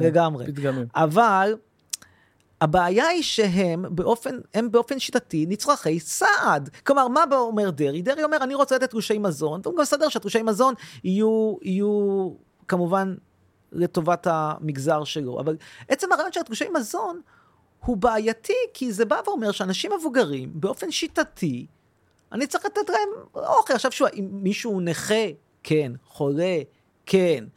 קרה איזה משהו, פגוע נפש, הם מבין. אבל למה האנשים האלה באופן שיטתי לא יכולים לעבוד לפרנסתם, ואחרי שהם רואים שהם לא כך מצליחים לעבוד לפרנסתם, הם מביאים עוד ועוד ילדים. זה לא בסדר, זה פאקינג לא בסדר, ואתה לא תראה דברים כאלה היום באירופה. באירופה מישהו ש, ש, שזה הכנסתו לא מביא פתאום שבעה ילדים. פשוט לא. זה, זה, זה, זה נצרנות. עכשיו אתה שואל למה אני לא אוהב את ישראל? איך אני יכול לאהוב מדינה שמנצלת אותי? תאהב אתה מקום מה שמנצל מה אותך. אתה כן אה, אוהב פה ב... במארג החברתי אולי שלנו? ב... בטוח יש. איך, איך הכרת את אה, קובי אה, סוויסה? קובי סוויסה? כן, איך קובי הכרתי? סוויסה, יום נכון? אחד אמרו, כן. כן, כן, כן, יום אחד פשוט אה, אמרו לי, בואו תעשו, תעשו תוכנית ביחד. אבל גם הוא לא מייצג שום דבר. אין בעיה, אבל איך, כי החיבור שלך, כי אתם כל כך, כי נראה כ- כשני... במקרה ישבתי על ידו, הרי מה קרה? עשינו, עשינו איזושהי תוכנית ביחד פעם אחת. אוקיי. והיא הייתה נחמדה, הביאה שם, הגיעה שם לאיזה 50 אלף צפיות או משהו, לא אוקיי. להיט ענק, אבל כן. סביר. ואז היה תוכנית מיוחדת ליום העצמאות. אז אספר לך את כל הסיפור. תקשיב, אני הייתי משוכנע שמזמינים אותי לתוכנית ליום הזיכרון ויום העצמאות. אני באתי לדבר על, ח- על, על בדיוק, על- אמרתי, איזה יופי, רוצים לשמוע ממני על חי- חיילי צה"ל. ואז אני מגיע לאשדוד, ומתברר לי שזה לא תוכנית באמת ליום הזיכרון ויום העצמאות. רק, רק בזמן השידור מתברר, כי לא אומרים לי את זה עד השידור, רק בזמן השידור מתברר שבכלל זה איזושהי פרסומת לטוסט גן העיר. לא מאמין. אני נשבע לך. זה רק קורה כשמתחילים להביא לו את הטוסט, ואומרים לו, מה דעתך על הטוסט? אני לא מבין את זה, אני לא, כי אמרו לי, זה תוכנית מיוחדת ליום העצמאות ויום הזיכרון בהשתתפות קהל. אני חושב, היו אומרים לי, אתה בא לפרסומת לטוסט גן העיר בחינם, הייתי בא לפרסומת טוסט גן העיר בחינם, נראה לך? מי הסוכן אגב, שלך, שאני אדע לא ללכת טוסט גן אליו? העיר, אגב, נסגר מאז. אוקיי. אה, אין סוכן, אני מייצג את עצמי. עכשיו, היה לי פעם סוכן, לא רצה לייצג אותי יותר. עכשיו, תקשיב, אנחנו יושבים שם, הוא תואם את הטוסט. ואני בהדרגה רק מתחיל להתחבר לי הדבר הזה, ואז גם ה- ה- מי שרואה את כל השידור גם רואה כמה הדיאלוגים הם אבסורדיים. כי אני מדבר על חיילי צה"ל, ואז אה, הבחורה שמנחה איתנו את התוכנית אומרת לו, מה אתה חושב על הטוסט? הטוסט טעים? טעים הטוסט? כאילו אני אומר, אם מתו לשווא, לא מתו לשווא, וזאת אומרת לו, איך הטוסט? ואז איך הנקניקייה? ואז איזשהו שלב, איזשהו ילד. ילד שיש לו עבר, לא נעים לומר, במוסד לעבריינים צעירים. אה, אוקיי. כן, זה- באמת? באמת? אוקיי. חינוך מיוחד וכאלה, כן, והיה, הורחק אוקיי. מבית ספרו, ואבא אבא ישב, אבא ישב בכלא, משפחה, מה שנקרא, משפחה אה, רבת פערים, הוא זורק כיסא. עכשיו, אני לא יודע מה הניע אותו, הרי האמא שלו הודתה, הוא מסרב להודות, בשכל מבחינתו. אני לא יודע אם מה שהניע אותו זה שנאה אישית אליי, או שהוא חשב שזה מצחיק, או איזה שילוב של השניים, או שכל הסיטואציה באמת... נראה לי שזה שילוב של השניים. שנראה לי כן, גם, הש-. השילוב הזה, הסיטואציה האבסורדית הזאת, שיש לך מצד אחד איזשהו פרופסור שמדבר בשיא הרצינות ובזעם על חיילי צה"ל, מצד השני ההוא אוכל טוסט, והיא שואלת אותו איך, איך הטוסט. זה קומי מאוד בעיניי, כאילו, זה- אם זה אני לא. נכנס ל- ל- לדברים שנאמרו, כי לא יודע, אני לא יודע אם מישהו שמע מה שאמרת, אבל זה קומי מאוד בעיניי, כל הסיפור אגב, הזה. אחרי זה, אחרי זה נתנו לזה נימה עדתית, לא היה בזה שום דבר עדתי, כלום. אני מדבר. לא, אחרי זה לקחו את ה sync מה- מה backstage. מה- לא אבל מה- ה sync מה backstage לא, לא ייצא גם את ה backstage, הם ערכו את זה. אה, אוקיי. זה לא היה ככה. כי היא שואלת אותי, מה קורה? בבקסטייג' היא מצלמת אותי. עכשיו, היא גם כן מניאקית לא קטנה. כי היא אומרת שהיא כל הזמן רצתה לעזור לי, אבל למה היא פותחת מצלמה לצלם נכון. את זה? היא לא פותחת מצלמה בשביל לעזור לי. אז היא אומרת, היא שואלת אותי, תגיד לי, אתה, אתה, רואה, אתה רואה שמרוקאים עוזרים לך? אתה רואה, אחרי כל מה שאתה אומר על מרוקאים, תראה, הנה מרוקאי הולך לבוא לעזור לך, הנה, הנה, אתה, אתה מרוקאי, נכון שאתה מרוקאי, אתה הולך לעזור לו? ואז אני אומר, ואת כל זה היא חותכת, ואז אני אומר, לא אכפת לי מרוקאים מקומם במרוקו וזה, כי אני, אני מחכה ל- לאמבולנס, והיא שואלת אותי על מרוקאים, שזה דבר שהוא בלתי נסבל. איך, איך הייתה ההרגשה ש, של האלימות הפיזית הבוטה אני הזאת? לא ידעתי בכלל מה קורה שם. הסיבה שאני הלכתי ליד שלו, ל... ל... לפטמה שלו, לפטמה, כאילו היד כן, לפטמה היה. שלו, הייתי בטוח שמישהו, מכיוון שכל הסיטואציה, אני הבנתי שהיא אבסורדית, כל הזמן, כל האירוע הזה מתנהג, כשכל הילדים של אשדוד אה, משפריצים עלינו חומרי ניקוי. זה גם כן דבר שלא ראו בזה, כי כנראה גם הם תפסו שיש פה איזשהו משהו שהוא אבסורדי, אולי חשבו שזה יהיה הזיקוקים ליום העצמאות. בקיצור, אני הייתי משוכנע שמישהו עבר שם נתן לי צ'פחה. כן, אתה יכול לעשות. את זה. הכל טוב. אה, לרגע אחד לא, לא חשבתי ש... אה, חשבת שזה אה, כאילו כאפה? כאילו לא... כן. אוקיי. כן, ואני באתי להגן על הראש שלי, אני לרגע אחד לא האמנתי שמישהו יזרוק כיסא, זה היה כל כך מטורף. רק, רק, רק, רק כשהגיע, כשחיכיתי לאמבולנס, אני הבנתי שזרקו עליי כיסא, אני בכלל לא הבנתי שזרקו כיסא. אני חושב שזה עוד משהו שהיית צריך אולי בילדות... אה, להבין שזורקים כיסאות. כן, להבין שזו אופציה. להבין שזו אופציה. תשמע, אופציה, גדלתי אופציה באזור שלא, מדי. כמה שמרכז תל אביב היה מקום נכון, מדכא, נכון. לא זרקו שם כיסאות, אבל אני חייב להגיד לך עוד משהו, תראה איך אני מקופח. אחרי כל הסיפור הזה, אני בדקתי, היו יותר הופעות בתקשורת של קובי סוויסה מאשר שלי. עכשיו, מי היה הכוכב של האירוע? אני. מי היה הקורבן? אני. עם כל הכבוד לקובי סוויסה, הוא, כמו, ש, כמו שאמר מדלי על, אה, על, אה, על, על נועה. נקלע לסיטואציה, בדיוק. עכשיו, חרף זאת, מזמינים אותו ולא מזמינים אותי. אני רואה את ערוץ 14, את שרון גל, זה ש... זה שכתבות אמרו עליו מה שאמרו, ולא ניכנס לזה, אבל אמרו דברים מזעזעים, אגב, הוא לא הכחיש. אז, אז אני רואה אותו מראיין את קובי סוויסה, ואומר לקובי, ואומר לקובי סוויסה, תראה, חצרוני הנקרה והבזוי, בכל זאת אתה עזרת לו, ואפילו לא מזמין אותי. יש מצב שהפטמה של קובי סוויסה- יותר יפה ממך? עוברת מסך יותר טוב? אני. בספק. לא, לא, לא. לא, אני, אני אגיד לך מה, כנראה אתה לא מצליח להפנים אה, שאנשים, לצורך העניין שרון גל, או לא משנה מי שזה לא יהיה, אה, לא יודע, לא- זה לא הדבר המיידי בשבילם בקבלת ההחלטות, לתת במה לחצרוני, כי לא אבל צפוי אני הכוכב משהו- של האירוע. אין בעיה, אבל הכוכב של האירוע יכול לבלבל את המוח ולהגיד דברים שלא קשורים לאירוע, ולשפוך יותר... אה, מה אה, אני אגיד, שלטעמי חיילי צה"ל מתו לשווא? אז אני אגיד את זה. מה זה כזה נורא לשמוע? זה כזה נורא לשמוע, הנה אמרתי את זה פה.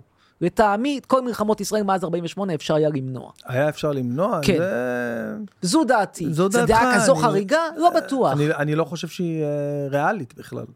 זה דברים שלא, שלא, מה זאת אומרת למנוע? איך היית יכול למנוע את מלחמת יום כיפור? בוא, מה? בוא תסביר דווקא לי. מלחמה שקלאסי שאפשר למנוע אותה. איך? אתה ב-71... תקפו אותך ב... ב, ב... כשתקפו אותך אין ברירה, אבל אוקיי. כשב-70 יש את יוזמת רוג'רס שאומרת, תן את כל סיני למצרים, ותחזור לקו הירוק, ותעשה הסכם שלום, ישראל דוחה את זה. אגב, זה אותו הסכם שלום שאחרי זה סאדאת אה, כן. ובגין חתמו עליו.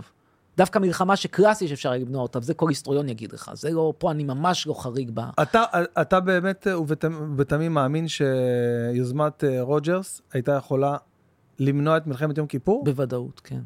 מוחלטת.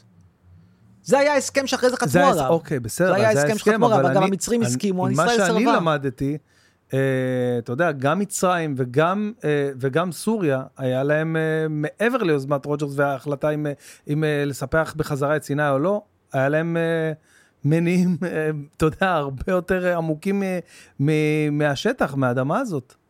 שעת לא. כושר שהם אה, תכננו. ו... לא, הם, הם, הם רצו, המצרים רצו את הכבוד שלהם, גם הסורים רצו את הכ- את הכבוד בעיקר. שלהם. עכשיו, את הכבוד שלהם, אתה יכול, תדע לך שאפשר לתת כבוד בלי שימותו אנשים בדרך, אפשר לתת כבוד. מה אתה חושב על מה שקורה היום? אה, ב- מן הסתם מיותר עליה. תראה, מה שקורה היום זה שאותה שכבה שאני דיברתי עליה קודם, עם כל מיני נספחים, כלומר, גברים אשכנזים בני 20 עד 40, אבל עם כל מיני נספחים. נגיד שקמה ברסלר, לדוגמה, היא לא בדיוק גבר, אבל כן. מאותו, מאותו ז'אנר. סוג של נמאס לנו, פשוט נמאס לנו. את, את מה שאני אומר, אה, ו- ונתפס כ- כמטורלל, הם אומרים, ואיכשהו זה נתפס כיותר... אז, אה, אז למה אתה. לא, אה, אתה יודע, נושא דגל אה, המחאה, מוביל, אה, יושב לא שם... מזמינים אותי. לא, אין- איך אין- יכול להיות אם זה משהו אני שאתה בא מדבר עליו? להפגנות, אבל הם לא מזמינים אותי לנאום. היו מזמינים אותי לנאום, הייתי נואם. אני מניח שהם לא רוצים לשמוע את מה שיש לי לומר. תראה, הם מנסים להעמיד פנים. היה למשל את הנאום של שקמה ברסלר לפני יומיים, כמדומני, אה, שבו עכשיו, היא אמרה לא. שזה לא קשור לכיבוש. זה לא דבר שאני יכול באמת לחתום עליו. אני לא יודע אם היא באמת חושבת ככה, אבל... אה, יש מצב שהתעדנה בדעותיה לטובת... אה, אני מניח שמנסים לבזול פה למרכז.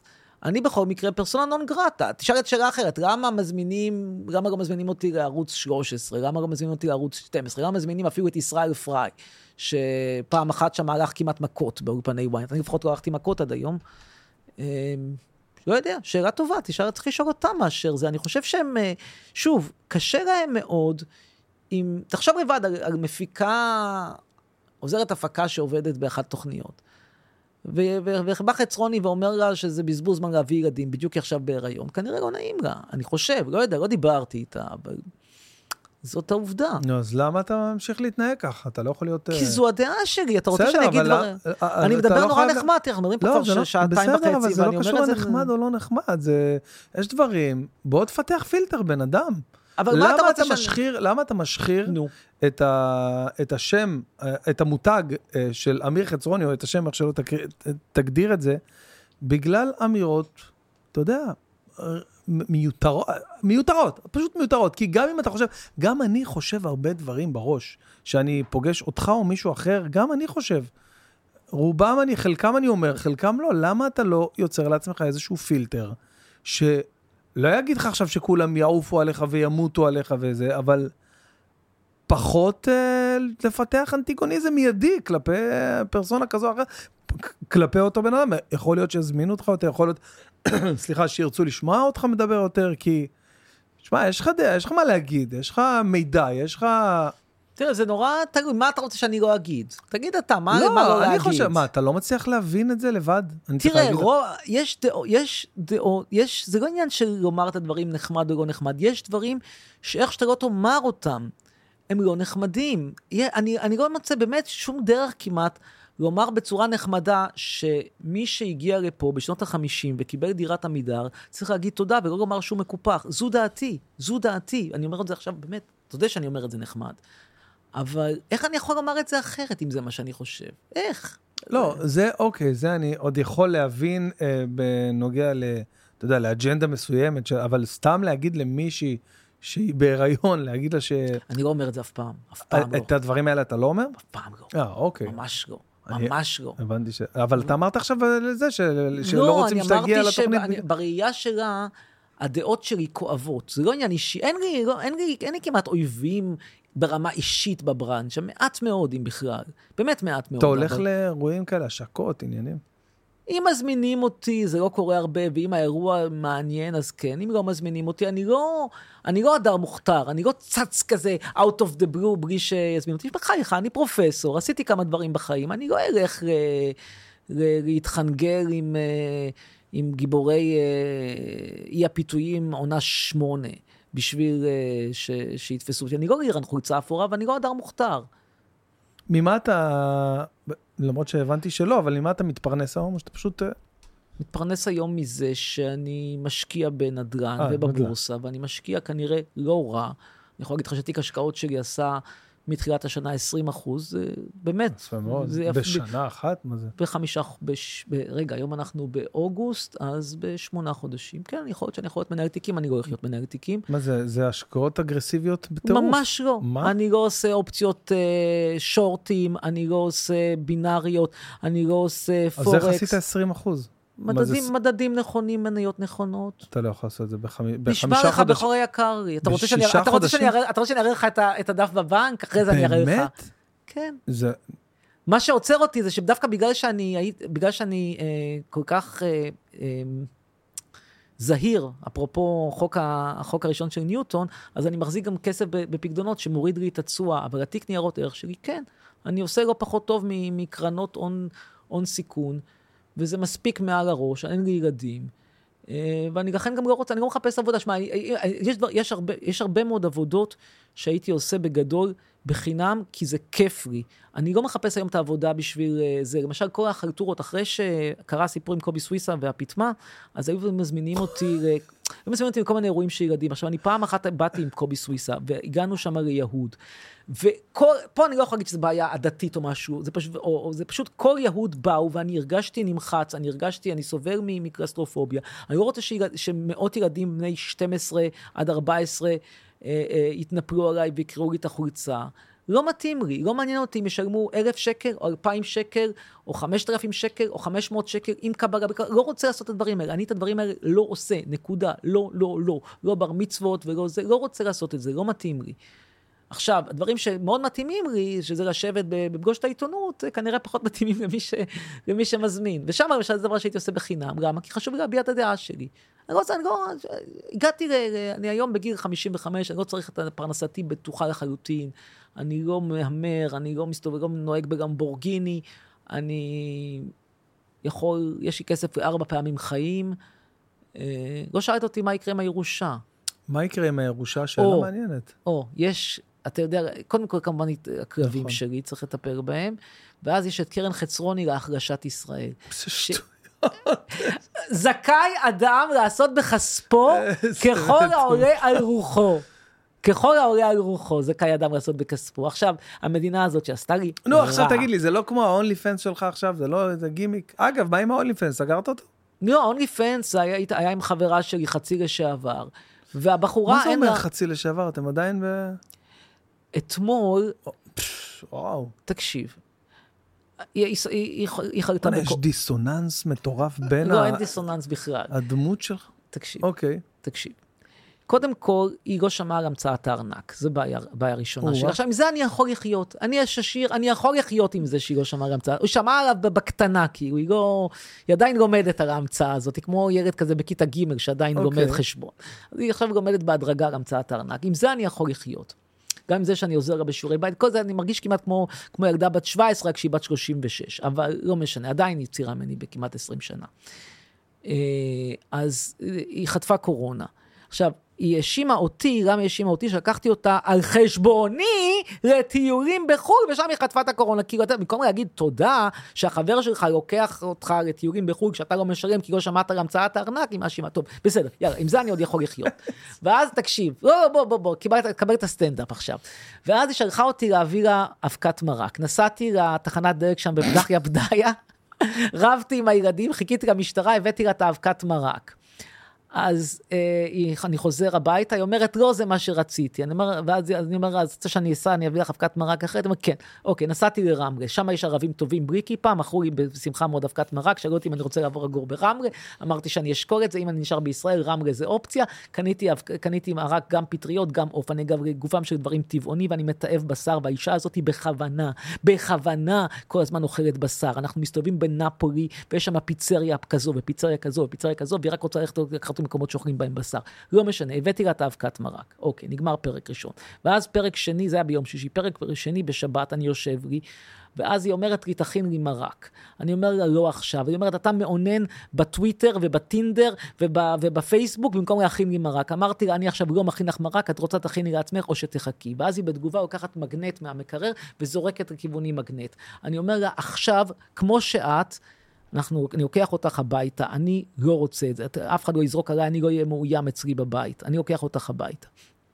ואז היא לוקחת איזשהו שרפרף קטן ומחזיקה אותו, אני לוקח ממנה את השרפרף, בוא נאמר בעדינות, אני גבר מוכה.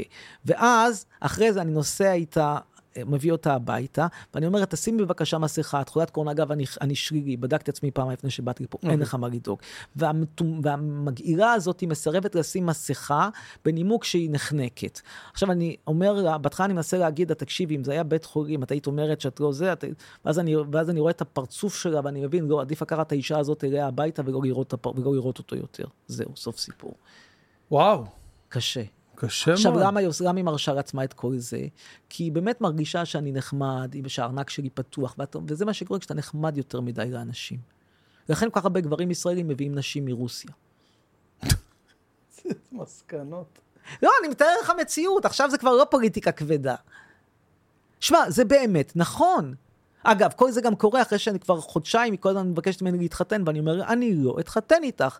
no way, את לא, ת- אני לא, את לא תעברי לגור אצלי, ואני לא אתחתן איתך, את לא תהיי ידועה בציבור זה לא שלי. נשמע כמו מערכת יחסים בריאה, לא כן. מדבר אני אפילו מסכים איתך. לחלוטין. אני כן, מסכים איתך. אז אז אני לא יודע באופן כללי לא. מי פה האשם. יש פה שני לא. צדדים שנראים לי לא בסדר. השאלה היא אחרת, השאלה היא למה להישאר. והתשובה היא שוב, הברירת מחדל. אגב, אני הצעתי לה המון פעמים, בואי נ, נ, נ, נמשיך להיפגש, וכל אחד מאיתנו ינסה גם אופציות אחרות. אין לי בעיה, תמצאי מישהו יותר טוב, מקובל עליי. אבל אין עם מי לדבר, אין, אין פרטנר, זה כמו, כמו, כמו שאתה חושב על הפלסטינאים, אין, אין, אין פרטנר. זה מאוד עצוב, אני מסכים איתך, מאוד מאוד עצוב. מה איתך, מה דעתך לגבי אמ, העתיד של המדינה, אתה אופטימי? לא. לאן זה הולך? מקום רע מאוד, מכמה סיבות. קודם כל, דמוגרפיה שדיברנו עליה. כאילו, אוכלוסייה שהולכת וגדלה, והולכת וגדלה במיוחד האוכלוסייה הפחות יצרנית. וזה אומר שיותר ויותר אנשים עובדים יממנו יותר ויותר אנשים לא עובדים. בעיה ראשונה. בעיה שנייה זה שהסכסוך הישראלי-פלסטיני הזה הוא בלתי פתור, ואני כבר ראיתי את ה, איך אתה הגבת כשהצעתי לך לעשות, אה, לחלק לשתיים או לזה, ודיברתי לך על כיבוש, הבנתי כבר שזה לא זה, אבל מה לעשות, יש בפלסטינאים מתישהו תהיה להם הנהגה יותר מוצלחת מהנהגה הנוכחית, חייבים להגיד, אבל חייבים לומר גילוי פה נאות שההנהגה שלהם פשוט מזעזעת. אני במקום אבו מאזן מזמן הייתי לוקח את הסכסוך לאו"ם ולא לא טרור ולא דברים כאלה. בכל מקרה, מתישהו זה יקרה. בעיה שנייה. אה, בעיה שלישית זה הצל המאוד מאוד כבד של ביבי, שלא יקרה איזשהו התקף לב קטלני, הוא כנראה נשאר איתנו ופשוט תוקע פה את כל המערכת. אה, בעיה רביעית זה ש... זה שוב חוזר לדמוגרפיה. אנחנו מדינה שאיבדה את הגוף שמאחד אותה. זאת אומרת, גוף שמאחד אותה לא במובן של אה, שם את הדברים ביחד, אלא שתהיה איזושהי קבוצה, אוכלוסייה דומיננטית. אין יותר קבוצת אוכלוסייה דומיננטית, אין דבר כזה ישראלים. יש לך דתיים, חרדים, פמיניסטיות, אתיופים, מתנחלים וכן הלאה. גם הקואליציה הנוכחית של ביבי היא בסופו קואליציה של מיעוטים. מי יש לך שם? יש לך שם מתנחלים, יש לך שם חרדים ספרדים, חרדים אשכנזים, והליכוד שהוא איכשהו, איכשהו מייצג את, ה, את המרכז או את הגוף, המה, ה- הבסיס של, ה, של המדינה. אבל שים לב שהוא, שהוא בסך הכל מיעוט בתוך הקואליציה. זה, זה קואליציה של מיעוטים. עכשיו, ושכחתי גם את הרוסים להוסיף, שהם לא בקואליציה, אבל לא משנה, הם גם כן סקטור. עכשיו, ישראל... לא ישראל, כל מדינה, לא יכולה להחזיק מעמד כקואליציה של מיעוטים, זה לא עובד. כלומר, הדרך היחידה שדבר כזה איכשהו יכול לעבוד, זה הדוגמה של שווייץ, עם שלטון מרכזי מאוד מאוד מבוזר וחלש לטובת שלטון מקומי חזק, שזה לא הכיוון שישראל הולכת בו, בדיוק הולכת הפוך, הממשלה רוצה לעשות את זה בדיוק הפוך. כלומר, מה קורה? יש פה מצב שבו אתה אה, כופה על הסקטורים שלי, או הקרובים יותר אליי, נגיד דמוגרפית, בעצם להישרת על ידי הקואליציית מיעוטים הזאת. עכשיו, זה לא ילך לאורך זמן. כמו שהכיבוש לא ילך לאורך זמן. זה לא, אתה, אתה רואה שזה מתפוצץ. ולכן אני פסימי, אני מאוד מאוד פסימי. עכשיו, אני, מה ש... הדרך לצאת מזה זה, זה לעשות איזשהו סוויץ'. שהסוויץ' הוא, שוב, אפשרות אחת זה באמת ברגע אחד להוריד ילודה, לעשות שלום וזה, שזה כנראה אה, too far fetch ודמיוני. והדרך אולי היותר ריאלית זה מה שעכשיו מתחילים לדבר, אה, ולאט לאט נכנס ל- ל- לאג'נדה, זה סוג של היפרדות. היפרדות לא במובן שיקומו פה שתי מדינות בהכרח, אלא שלטון מרכזי יותר חלש, יותר אה, אה, ביזור, שאתה אתה יודע, אלה יחיו בבני ברק, אנחנו נחיה בתל אביב, ואתה יודע, יחסי שכנים, שכנים עם, עם ריספקט, אבל לא העמדת פנים שאנחנו אותו עם, כי, כי אנחנו לא. וזה, וזו בעיה, לכן אני נורא נורא נורא נורא פסימי. ויש לי, וזה גם מדאיג אותי, כי כל הנדל"ן שלי פה, זה רוב ההשקעות שלי.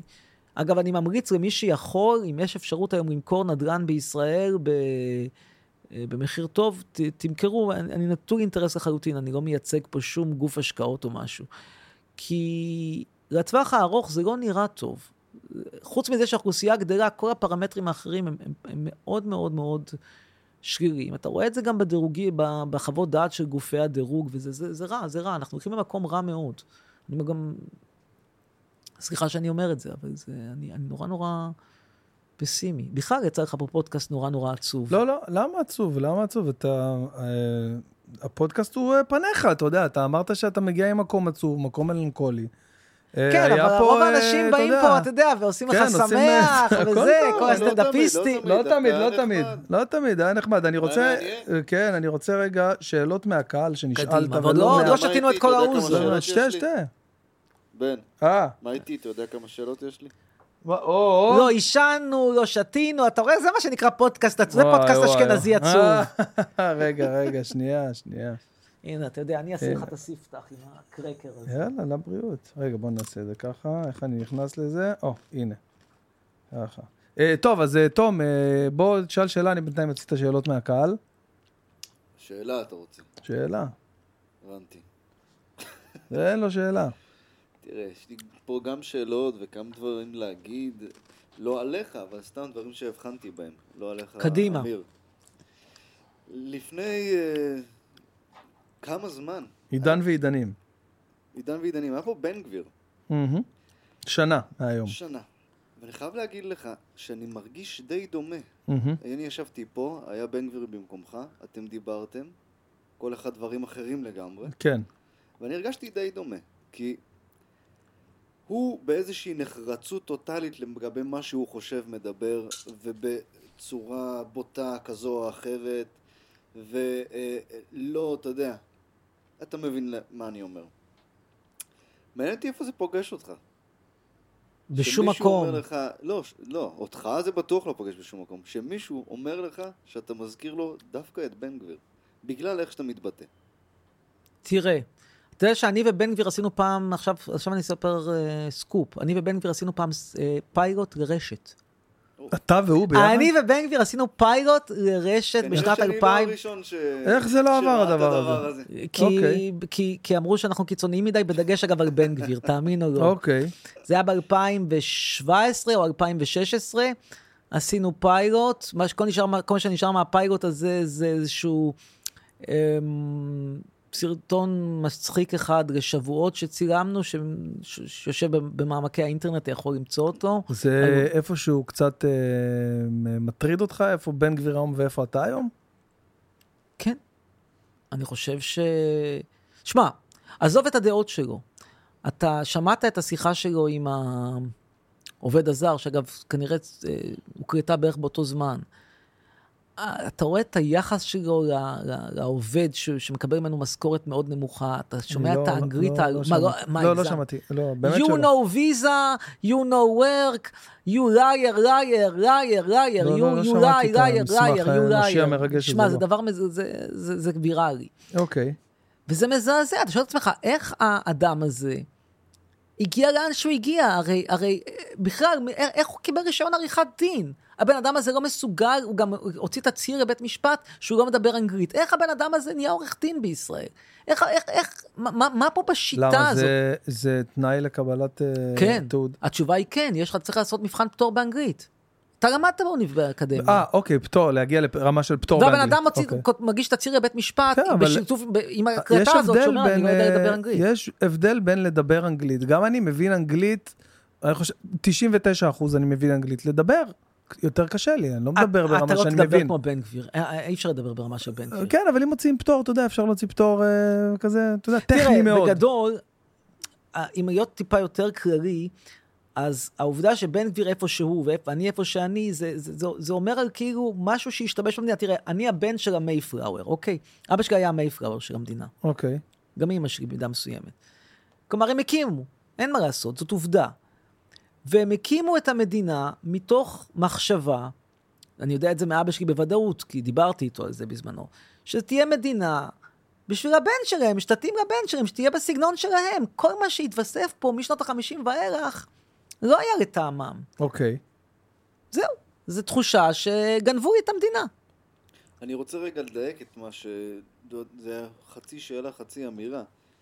אמרתי אז לבן גביר, לפני שנה, שאלתי אותו אם הוא לא מרגיש שאיך שהוא מדבר חוטא למטרה שלו, כי הוא מנסה לקדם כל מיני דברים, כל מיני אידיאולוגיות משלו. אוקיי.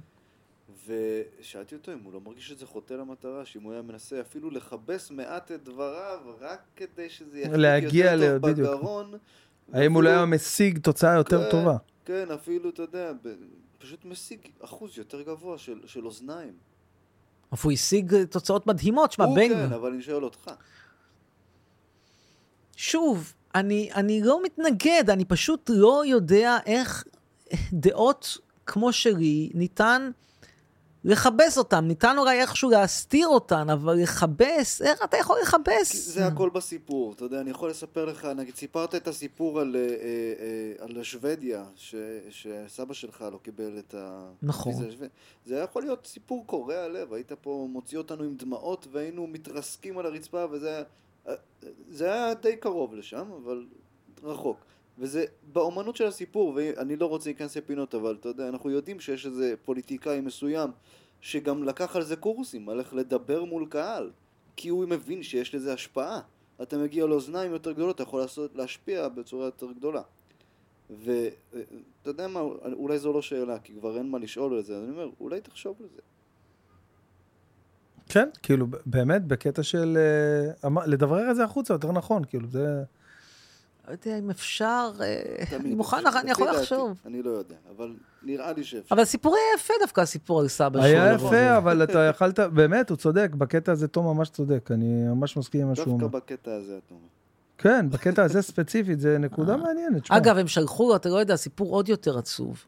כי אז הם שלחו לו משוודיה באיזשהו שלב תמונה של המשפחה, היה אגב של המשפחה שכן הגיעה לשוודיה, הם שלחו תמונה שהם עם טלוויזיה. ואז אה, הוא ראה את זה לאבא שלי, ושאל את אבא שלי מה זה. ואז אבא שלי הסביר לו, ואמר לו, תראה, זה מדינה מתקדמת, יושבים, צופים בטלוויזיה, זה מכשיר, משדר כל יום תוכניות, בזמן שאתה הולך לבית כנסת. אגב, היה איש דתי. איזה קטע, אבא שלך היה איש דתי. לא, סבא לא, שלי- סבא סבא שלך, שלי היה אבל איש גם דתי. אבא שלך אמרת שהוא... לא, לא, אבא בשום- שלי- בשום שלב? גיל 14 עזב את הדת לחלוטין, נתן לה גט כריתות טוטאלי, עם חוסר אמונה מוחלט, כופר בעיקר, ללא טיפת סימפתיה אה, לדת. ניסית פעם משהו שקשור ב- בדת היהודית האמונית שלנו? כלום לעומת, למעט העובדה שעשיתי בר מצווה, עכשיו עוד שלוש, שתיים, אחד, הקטע, כי אימא שלי אמרה שמי שלא עושה בר מצווה הוא הומו, ומי שהומו לא מקבל ירושה. אבל זה מצחיק. איזה אישה. כן. אה, יש לי עוד משהו קטן. אה, כן, יש, אני אני פשוט לא מוצא את השאלות. אז כן, כן, אוקיי. אבל זה יפה לא, שאלנו, הקטע. כן, אגב, אתה יכול להבין מזה איך איך הסתכלו על הומואים בראשית שנות ה-80. אה, מיותר לשאול אם אתה נימול? אתה נימול, אני מניח. כן. כן, אוקיי. אגב, אני. חושב שזה, שההורים שלי עשו לי פה פשע נגד האנושות. אוקיי, חד משמעית. שלא. שאלו אותך. לא... בוודאי. בוודאי. אתה לא יכול לקחת ילד בן שמונה ימים, ובגלל שיש לך דיל עם אברהם אבינו, לחתוך לו את איבר המין. אתה, זה, זה משהו שהוא הוא, הוא לא סביר. עכשיו אתה שואל למה, למה לא עושים זה שום דבר? כי, כי יש איזושהי הסכמה בשתיקה שדת לא נחשבת ל, להפרעה נפשית, אבל בראייה אובייקטיבית, אתה יודע, אפשר לדבר על זה עכשיו שעות, אבל בראייה אובייקטיבית, חלק גדול מאוד מהמצוות הדתיות הן סוג של OCD. כלומר, אם בא מישהו, אם מישהו בא ומספר לך, ב- אני יודע את האמונה שלך, כן, כן, לך אם מישהו בא ומספר לך, אני בשבת לא מדליק את האור, יש לי איזה אה, שעון כזה שמדליק מכבה, מדליק מכבה, אני גם לא לובש שעטנז, ואני, לפני שאני שותה את היין אני מברך, היית אומר לו, אדוני, אתה פסיכי. זה מה שהיית כן, אומר. אבל נכנסים פה עכשיו למשהו מאוד מאוד מאוד עמוק, ו... לא, הנקודה עברה עוד בהתחלה, כן. OCD. כן, אפשר- זה זה יכול להתפרש זה יכול ככה? להתפרש ככה, מן הסתם, אם אתה אה, לוקח אם ומפשט. אתה בא מהחלל. כן, אם אגב, אתה- אם אתה שואל אותי בדתות, הדת שהכי אהובה עליי היא הדת הפרוטסטנטית. למה? לא שאני חובב גדול של ישו, לא שיש לי איזשהו קטע עם, עם, לותר, אבל קודם כל זה המדינות הכי עשירות. אז אני אומר, לפחות הם, לפחות הם יודעים איך להרוויח כסף, זה דבר אחד. ודבר שני, הם יחסית הכי הכי פחות תובעניים. כלומר, היהדות, האסלאם, ואפילו הקתוליות במידה מסוימת, פחותה, אבל במידה מסוימת, הם דתות עם המון המון איסורים. תסתכל. רמדאן. רמדאן, אתה צומות שלוש פעמים כן. ביום, הערבי מתפלל חמש פעמים ביום. איזה עינוי. כאילו כל החיים שלך הם, הם סביב זה. והפרוטסטנטי, הוא בגדול יודע שהוא צריך לעבוד עבודה קשה, לאהוב את האל, לעשות צדקה, וזהו, אין, אין, אין, אפילו לכומר מותר להתחתן. כאילו, זה, זה חיים הרבה יותר, ואין אין איזשהו אפיפיור שנותן לו הוראות, ואין רב ראשי. חיים יותר... אבל ב, ב, ברמה האישית שלך אתה אתאיסט, בהגדרה. אני אגנוסטיקן סקפטי. אגנוסטיקן סקפטי. זאת אומרת, תראה, אתאיסט בא ואומר, אין אלוהים. אני בא ואומר, I couldn't care less. כלומר, למה I couldn't care less? כי לשאלות האמוניות האלה אין משמעות פרקטית בחיינו. זאת אומרת, אם תוכיח לי עכשיו באותות ובמופתים שיש אלוהים, זה לא ישנה את חיי, אני לא אעשה משהו אחר. אה, וזה מעניין שכבר כשהייתי ילד, זה לא עניין אותי. זאת אומרת, אני זוכר, נגיד בגיל 13, אז אה, ילדים סביבי שלומדים בר מצווה, אז כאילו מתעני, באמת מתעניינים בשאלות, זה אף פעם לא, לא משך אותי. עכשיו, למה זה לא משך אותי? קודם כל, זה הקטע של הרציונליות. החשיבה שלי הייתה תמיד נורא רציונלית, וזה לא מתחבר כל כך לדעת, זה נקודה ראשונה.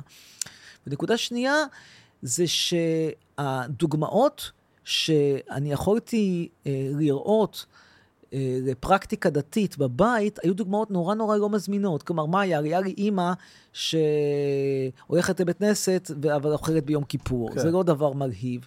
היה לי סבא שהיה דתי, ואבא שלי תמיד הסביר איך הוא אה, אה, הגביל אותו כשהוא היה ילד, ואיך הוא דבר, עשה הכל בשביל לצאת מהבית ולא להיות דתי. כלומר, וגם אני זוכר אותו בתור בן אדם מאוד לא... לא שמח. לא שמח, לא, לא, לא, לא, תמיד היה גמומי. אז לא היה לי פה משהו, מודל אה, נחשב. מודל ש, שנחשק, ושוב, גם לא היה לי את ה... זה לא, אתה יודע, לא יודע, הסוגיות האלה, יש אלוהים, אין אלוהים, אה, מי צודק, איזה דת צודק, לא יודע, זה שאלות שאין להן שום משמעות פרקטית ביום-יום. איך זה, איך זה יעזור לי? זה ייתן לי תוכנית בערוץ 12? זה יביא אותי לפאנל? מה, מה זה יעזור לי בחיים? זה ייתן לי דייט? מה זה ייתן לי? לא ייתן לי כלום. who cares, כאילו. אני קיבלתי תוכנית בערוץ 13. לא בזכות זה שיש אלוהים. בזכות זה שיש. אלוהים. אתה. חושב, אחרת לא היית מקבל. כן, אבל הקטע ההזוי זה ש... קודם כל, התוכנית שלי עולה ביום אה, שישי הזה. מזל מה טוב. זה של הכפיים? אתה הורדת לי את אה, הכפתור יש של את הכפתור הכפיים. של באיזה הכפיים. שעה? אה, אחרי החדשות, שישי אחרי החדשות. זה תוכנית אירוח. שישי, אחרי החדשות. בערב. כן, אני לא אראה את זה. אתה לא רואה פה את הבעייתיות? אני רואה, הייתה, הייתה לי דילמה מאוד גדולה לגבי זה, אבל אני התייעצתי, ובגלל שאתה יודע, הטלוויזיה היא לא מה שהייתה פעם, היא לא טלוויזיה ליניארית גרדה, מה שנקרא. זאת אומרת, אתה יכול היום לעשות VOD, להקליט, לראות, זה לא נו. מה שהיה פעם, לא היית רואה אה, בשישי בערב, אה, לא יודע מה היה, אה, רבקה מיכאלי, לא יודע מה היה, אז זהו, לא היית לראות? רואה את זה לעולם. אה? נתנו לך לראות לפחות? כן, ברור, כל הפרקים אני לא, רואה אבל לא לפני, זאת וכמובן הבעיה. מה? שאני... בעיניי, אם אתה שואל אותי, תראה, לי לי אין שום בעיה עם לעבוד, אתה בעצם מקדם את מה שאתה רואה כחטא. זה בתפיסה שלך, לא בתפיסה שלי. לא, אני, עוד פעם, קודם כל, אני אה, צילמתי את, את כל התוכניות, אני... ברור שלא צילמת את זה בלייב, זה יפה. כן. עכשיו, אה, מבחינתי, אני לא, אה, לא, לא אומר לאנשים, לך תראה את התוכנית שלי, התוכנית לא הייתה אמורה להיות ביום שישי, אוקיי? אבל היא נבחרה להיות כנראה כי... אה, היא תוכנית יש- טובה. תוכ, כן, יש דיבור שהיא תוכנית טובה. ותשמע, זה היה לי מאוד מוזר, ואני כאילו, קודם כל יהיה רשום צולם ביום חול, למעלה. שזה אף שכאילו פעם לא היה. מישהו באמת יחשוב שהולכים לצלם תוכנית אירוח כזו כן, בשישי, אבל בסדר, כן, אוקיי. בדיוק, אבל זה, זה רשום, אה, אה, תשמע, אני כאילו, כן, הייתה לי איזושהי בעיה עם הדבר הזה, אבל, אבל מסתבר שזה אה, אה, פחות, אה, פחות ופחות, אה, אה, בגלל האופי של הטלוויזיה, כמו שדיברנו בהתחלה, שהוא השתנה לחלוטין. אה, והיום, אפשר גם להציג את זה בתור משהו מאוד יפה, שאתה אומר, אני לא רואה טלוויזיה בשישי, אבל לא מפריע לי שיש אנשים שרואים כן, מי שרואה טלוויזיה בשישי, אני לא אגיד, אל תראה טלוויזיה בשישי, אני, אני עושה את אני מה שעל אפילו זה. אהיה נכון, התוכנית שלך אני, בשישי. אני, גם, אני גם את הפודקאסט הזה, אני מקבל במוצאי שבת הרבה הודעות מאנשים, ישבנו כל השבת, ראינו ארבע פרקים, אני לא עושה את זה שיראו את זה בזה, אבל אני עושה את זה. אני נותן לך את האופציה, אתה רוצה לראות את זה בשישי? תראה אגב, בשישי, צילמתם את זה. פה? לא, לא פה, צילמנו את זה באולפן. מן. הסתם לא שלוש שעות כל פרק. לא, לא שלוש שעות, ישבנו עם כל אורח אה, אה, שעה וקצת, וזה הצטמצם לכדי 40 דקות, ויש עוד אה, אה, כזה מוקו באמצע על החיים שלי, משהו מגניב, וסטנדאפ כזה מהכורסה. אה, יום שישי אחרי החדשות, זה הפרק הראשון יהיה עם רשף לוי. אה, שבוע אחרי זה, יש הרבה אורחים מאוד מעניינים, רמי לוי, אה, נסרין, אה, כל מיני חבר'ה מאוד, מאוד מעניינים שהבאנו לתוכנית, והיה לי ממש כיף לעשות את זה, וזה קורה עכשיו, אתה יודע, אז אה, מאוד אה, מרגש. מי שרואה וזה... אבל אתה יודע, בסופו של דבר, מי שרואה זה... שקובע את הרייטינג, זה מצחיק אותי, הקטע הזה עם הרייטינג, שעד היום זה עם ה people meter הזה. נו.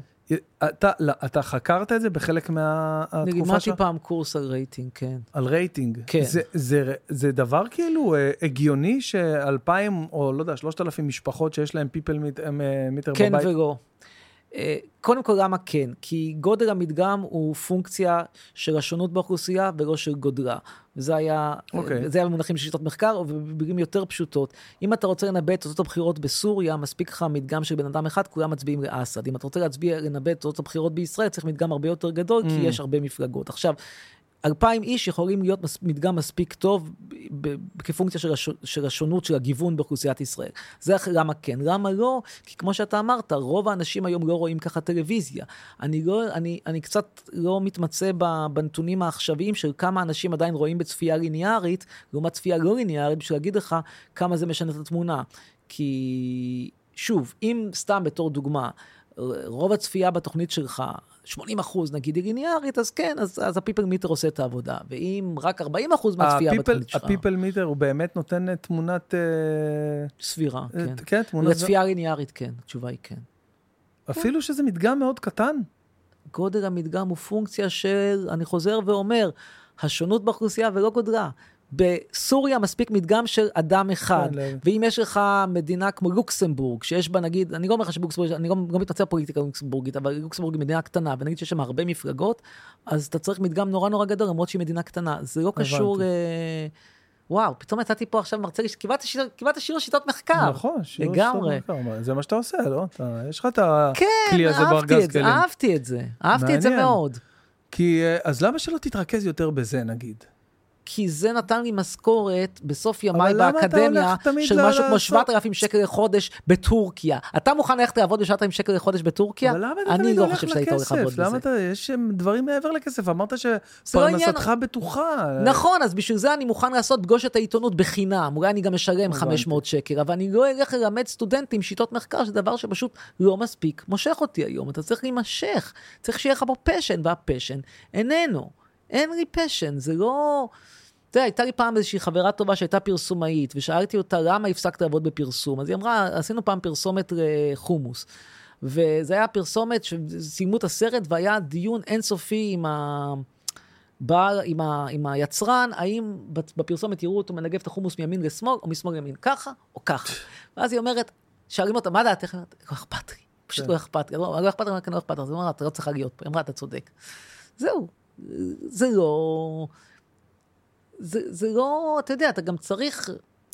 באקדמיה אתה צריך שיהיה לך המון המון המון סטודנטים איכותיים שיתניעו אותך. אתה לא יכול להיות חוקר גדול מאוניברסיטה בטורקיה, או ממכללת עמק יזרעאל, או מכל הדברים, המקומות הקיקיוניים האלה. הקריירה האקדמית שלי, שוב, היא התפספסה בגלל שאני לימדתי במקומות הלא נכונים. אתה רוצה מעולם הדימויים שלך, תחשוב על זה שאתה מופיע תמיד בסטנדאפ בבר יהודה לנרגילות בראשון לציון. עכשיו, okay. כאילו, באיזשהו שלב, גם אם אתה, או שאתה תתקדם משם, או שאתה תוותר, אני חושב, אתה לא תעשה באמת סטנדאפ 40 שנה בבר יהודה לנרגילות בראשון לציון. הבנתי. אגב, אני גיליתי שיהודה לנרגילות בראשון לציון הוא אכן מקום קיים, רק שלחתי לרופא, ומסתבר שהוא יושב במרכז קניות קטן שהפך כן, להיות... ליד ה... כן. הס- איך קוראים לזה? ה- נו. במערב ראשון, בסחרוף. כן, איך קוראים לה... של ה- אבל זה מרכז ג'חנון קניות. שומם וכושל, יש שם רק את כן. יהודה לנרגילות וכמה רופאים. הופעת ביהודה לנרגילות? כן, במהלך הקריירה שלי, כן, הופעתי. זה נהנית? יהודה לנרגילות, לא נרגילות, זה יודלה, יודלה. זה כזה- יודלה, תקשיב, יודלה, זה כתוב. כתוב יהודה- בר יודלה, בר יודלה, ואז אבל למה על החלון ראווה כתוב נרגילות. ויש צילום, ציור כזה של נרגילה. כן, אני הופעתי שם אה, לפני, לדעתי, עשור אולי, קצת זהו. ואז לפני איזה כמה שנים הציעו לי להופיע שם. מה, בתור... בתור סטנדאפיסט. מה? מה, לא, לא, לא, מה, קורה, אלה החיים. אוקיי, אז אוקיי. חשבתי פעם, פעמיים, שלוש, ארבע, והתחיל להגיד, אני אתחלק איתך ב... ב, ב נתחלק ש- 50-50, ואז הוא אומר, לא, 70-30, לא קח 70. הבנתי מה, הוא אותך להופיע, אבל אין לך... יהודה לנרגילות, כן, יהודה לנרגילות. ואז הוא אומר באיזשהו שלב, אתה יודע מה, עזוב, קח את כל הכרטיסים, אני אקח רק את הבר. אני אומר לו, תקשיב, אני לא יושב כשמנ... אני לא הולך להופיע כשמעשנים מולי נרגילות, זה לא אני, אין לי מה לחפש שם, זה לא הקהל שלי, זה לא משנה כמה כרטיסים אני אמכור, זה כנראה יהיה שבעה כרטיסים. למה? אבל אה, זה נשמע לי דווקא כן הקהל שלך, כל החוב... נרגילות? כל... כן, מי שאוהב נרגילות. ובדרך כלל, אה, אתה יודע, אה, אמרת שהתקבלת לא. בברכה ברמלה. זה לא, אותו- באזור זה לא, ה- זה לא אותם נרגילות. זה לא אותם נרגילות? זה לא אותן נרגילות. זה טעם אחר. זה, הנרג... הנרגילות של פתחיה פדיה, זה לא הנרגילות של רמלה. זה לא אותם. משפט. זה לא לא אותן... אותם נרגילות. זה לא אותן הנרגילות, אבל... אה, שמע, לא, לא, זה קריירה, קריירה, קריירה, שמע, כל הקריירות שלי בגדול, הנה יש לך פה את ה-bottom line, קריירות של פספוס. אממה, כמו שאמרה החברה לשעבר, כשאמרתי לה, כאילו, אני מפרנס את העבודה, היא אמרה, אתה תלך לקבר, אתה תלך לקבר עם כסף עם קורי עכביש. אמרתי לה, יופי, אני אלך לכסף עם קורי עכביש, ואת תמשיכי לעבוד במשמרת לילה ב-38 שקל לשעה. איזה אקורד מהמם לסיים איתו את הפודקאסט. אתה רואה. איזה, לא, רומנטיקה, האמת איזה. זוגיות, זה משהו. טוב, אה, אמיר חצרוני, שמע, אה, בהצלחה... אה, רגע, רגע. מה, מה? רגע, רגע, רגע, רגע? רגע, שתראה מה זה? איכות. תסתכל. קודם כל, אתה רואה שזה מה... מהדיוטי פרי? כן. מהדיוטי פרי, אבל אוקיי. לא סתם. מהדיוטי פרי של איסלנד, שתלמד מה זה מדינה איכותית. אוקיי. אני ברשותך פותח את זה כן, עכשיו כן, כן, וקורא. את זה, אתה רואה. זה שלך. קודם כל, האורחים הבאים, נעשיר פה את קצת בר המשקאות, כי כל מה שיש בו כרגע זה כל מיני... אה, יש פה טקילה, וודקה, יש פה כל מיני, וויסקי וויסקי. שנת ייצור ש- 2016, בוא נאמר את זה, לא, בתקופה שהציעו. לי את אה, יהודה רנרגילות. לא. אז אתה מקבל את הליקר, אח, רבאק. אתה מקבל את. הליקר האיסלנדי המסורתי, ליקר אופל. אופל. אני לא יודע אם הוא כשר או לא, אבל הוא זהו, אז מה בנוי... רמת הכשרות שלו? אני- אני לא חושב שיש לו רמת כשרות, אבל הוא בנוי, תשים לב, זה אלכוהול עם עשב איסלנדי. תוכל להביא, לעשות עליו קידוש ביום, אה, אסור לעשות קידוש, צריך רק פה פרי הגפן, לא משנה, זה יהיה אפריטיף, עזוב, עזוב, זה כאילו כשר. זה לא כשר, איזה כשר? עזוב אותך. 19 אחוז אלכוהול? זה כלום. אני בסדר, לא... מה אתה מתנשא? בקטנה. טוב, תודה רבה על זה. בכל מקרה, זה שוב, לאף אחד אין, ב- ב- אתה תהיה הראשון בבת ים עם ליקר שמבוסס על אופל. דשא איסלנדי. דשא איסלנדי. דשא. איסלנדי, או זה נקרא מוס, זה העשב, העשב הטונדרה הזה שגדל שם, על אדמת הבזלת. אז זה הדשא אבל מהצד של השכן שהוא יותר ירוק או הרגיל? עכשיו תשאל אותי מה הטעם של זה? אין לך מושג. לא, יש כן, אה, טעמת? זה. כמו התרופה הכי טעימה שטעמת אי פעם. תחשוב על תרופה נגד סירופ נגד שיעול, אבל הכי טעים, הכי טעים זה זה. הכי טעים זה זה, סירופ נגד שיעול כמו הכי טעים. יגר. אה, פחות אלכוהול ויותר מתוק. פחות אלכוהול ויותר מתוק. אחלה, כן. אז תודה על זה. ויותר אופן. סיפור, כאילו כמה אנשים יש, כמה המון אנשים בת ים יש יגר, כמה יש אה, איסלנדי, עד איסלנד. עשו בשביל להבין. אגב, אני נוסע לאיסלנד בסוף השבוע הבא לטפס על. ה... אם אתה רוצה להיות נחמד, אתה רוצה באמת להיות, לצ'פר את הילדים שלך, ויש לך עכשיו הרבה כסף מהתוכנית שעשית ברשת, תקשיב, באיסלנד התפרץ הוולקנו. אתה יכול לקחת אוקיי. את הילדים, לטפס על הוולקנו. אתה רוצה, אני אהיה שם בסוף השבוע הבא, יש לי חבר שגר באיסלנד, ואתה מטפס, אמנם זו הליכה קשה, זה שעתיים וחצי כל כיוון. לילדים? לא בת שמונה, אבל הילדים, זה כן. הכי גדולה. אוקיי, לא, 12 גם ב-10. 12 יעשה את זה. אוקיי, ואתה מטפס, ואתה מגיע להר געש מתפרץ, זה כשר. וואו, אש, אש כזה מול הפרצוף שלך. וואו.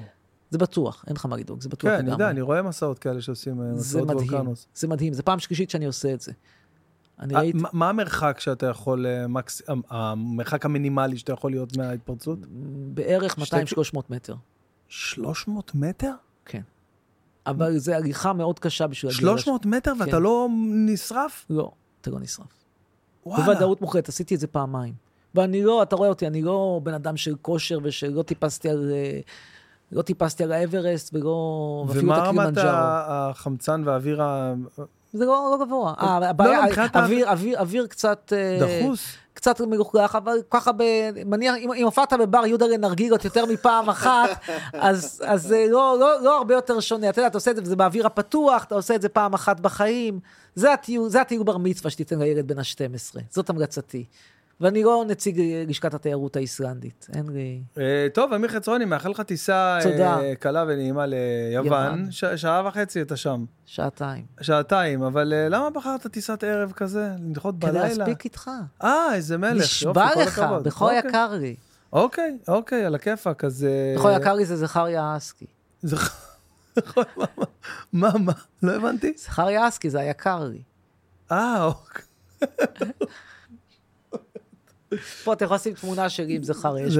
יש, יש בשפע ברשת. כן. טוב, תודה שבאת, תודה, שיהיה לך תודה. טיסה בהצלחה עם. התוכנית. תודה רבה, מי העורך תודה. הראשון? רשף לוי. רשף לוי, העורך הראשון. לא ראינו כן. אותו בטלוויזיה, רק רק חודשיים לא ראינו אותו, נכון, התגעגענו. התגעגעתם. אז יש לכם יום שישי הזה עם רשף לוי בערב אצל בן בן ברוך, ככה נקרא התוכנית. אם לחלל שבת, רק עם הערב אצל לא, בן לא, בן ברוך. לא ממליץ. טוב, יאללה, ביי. להתראות, היה כיף, ביי.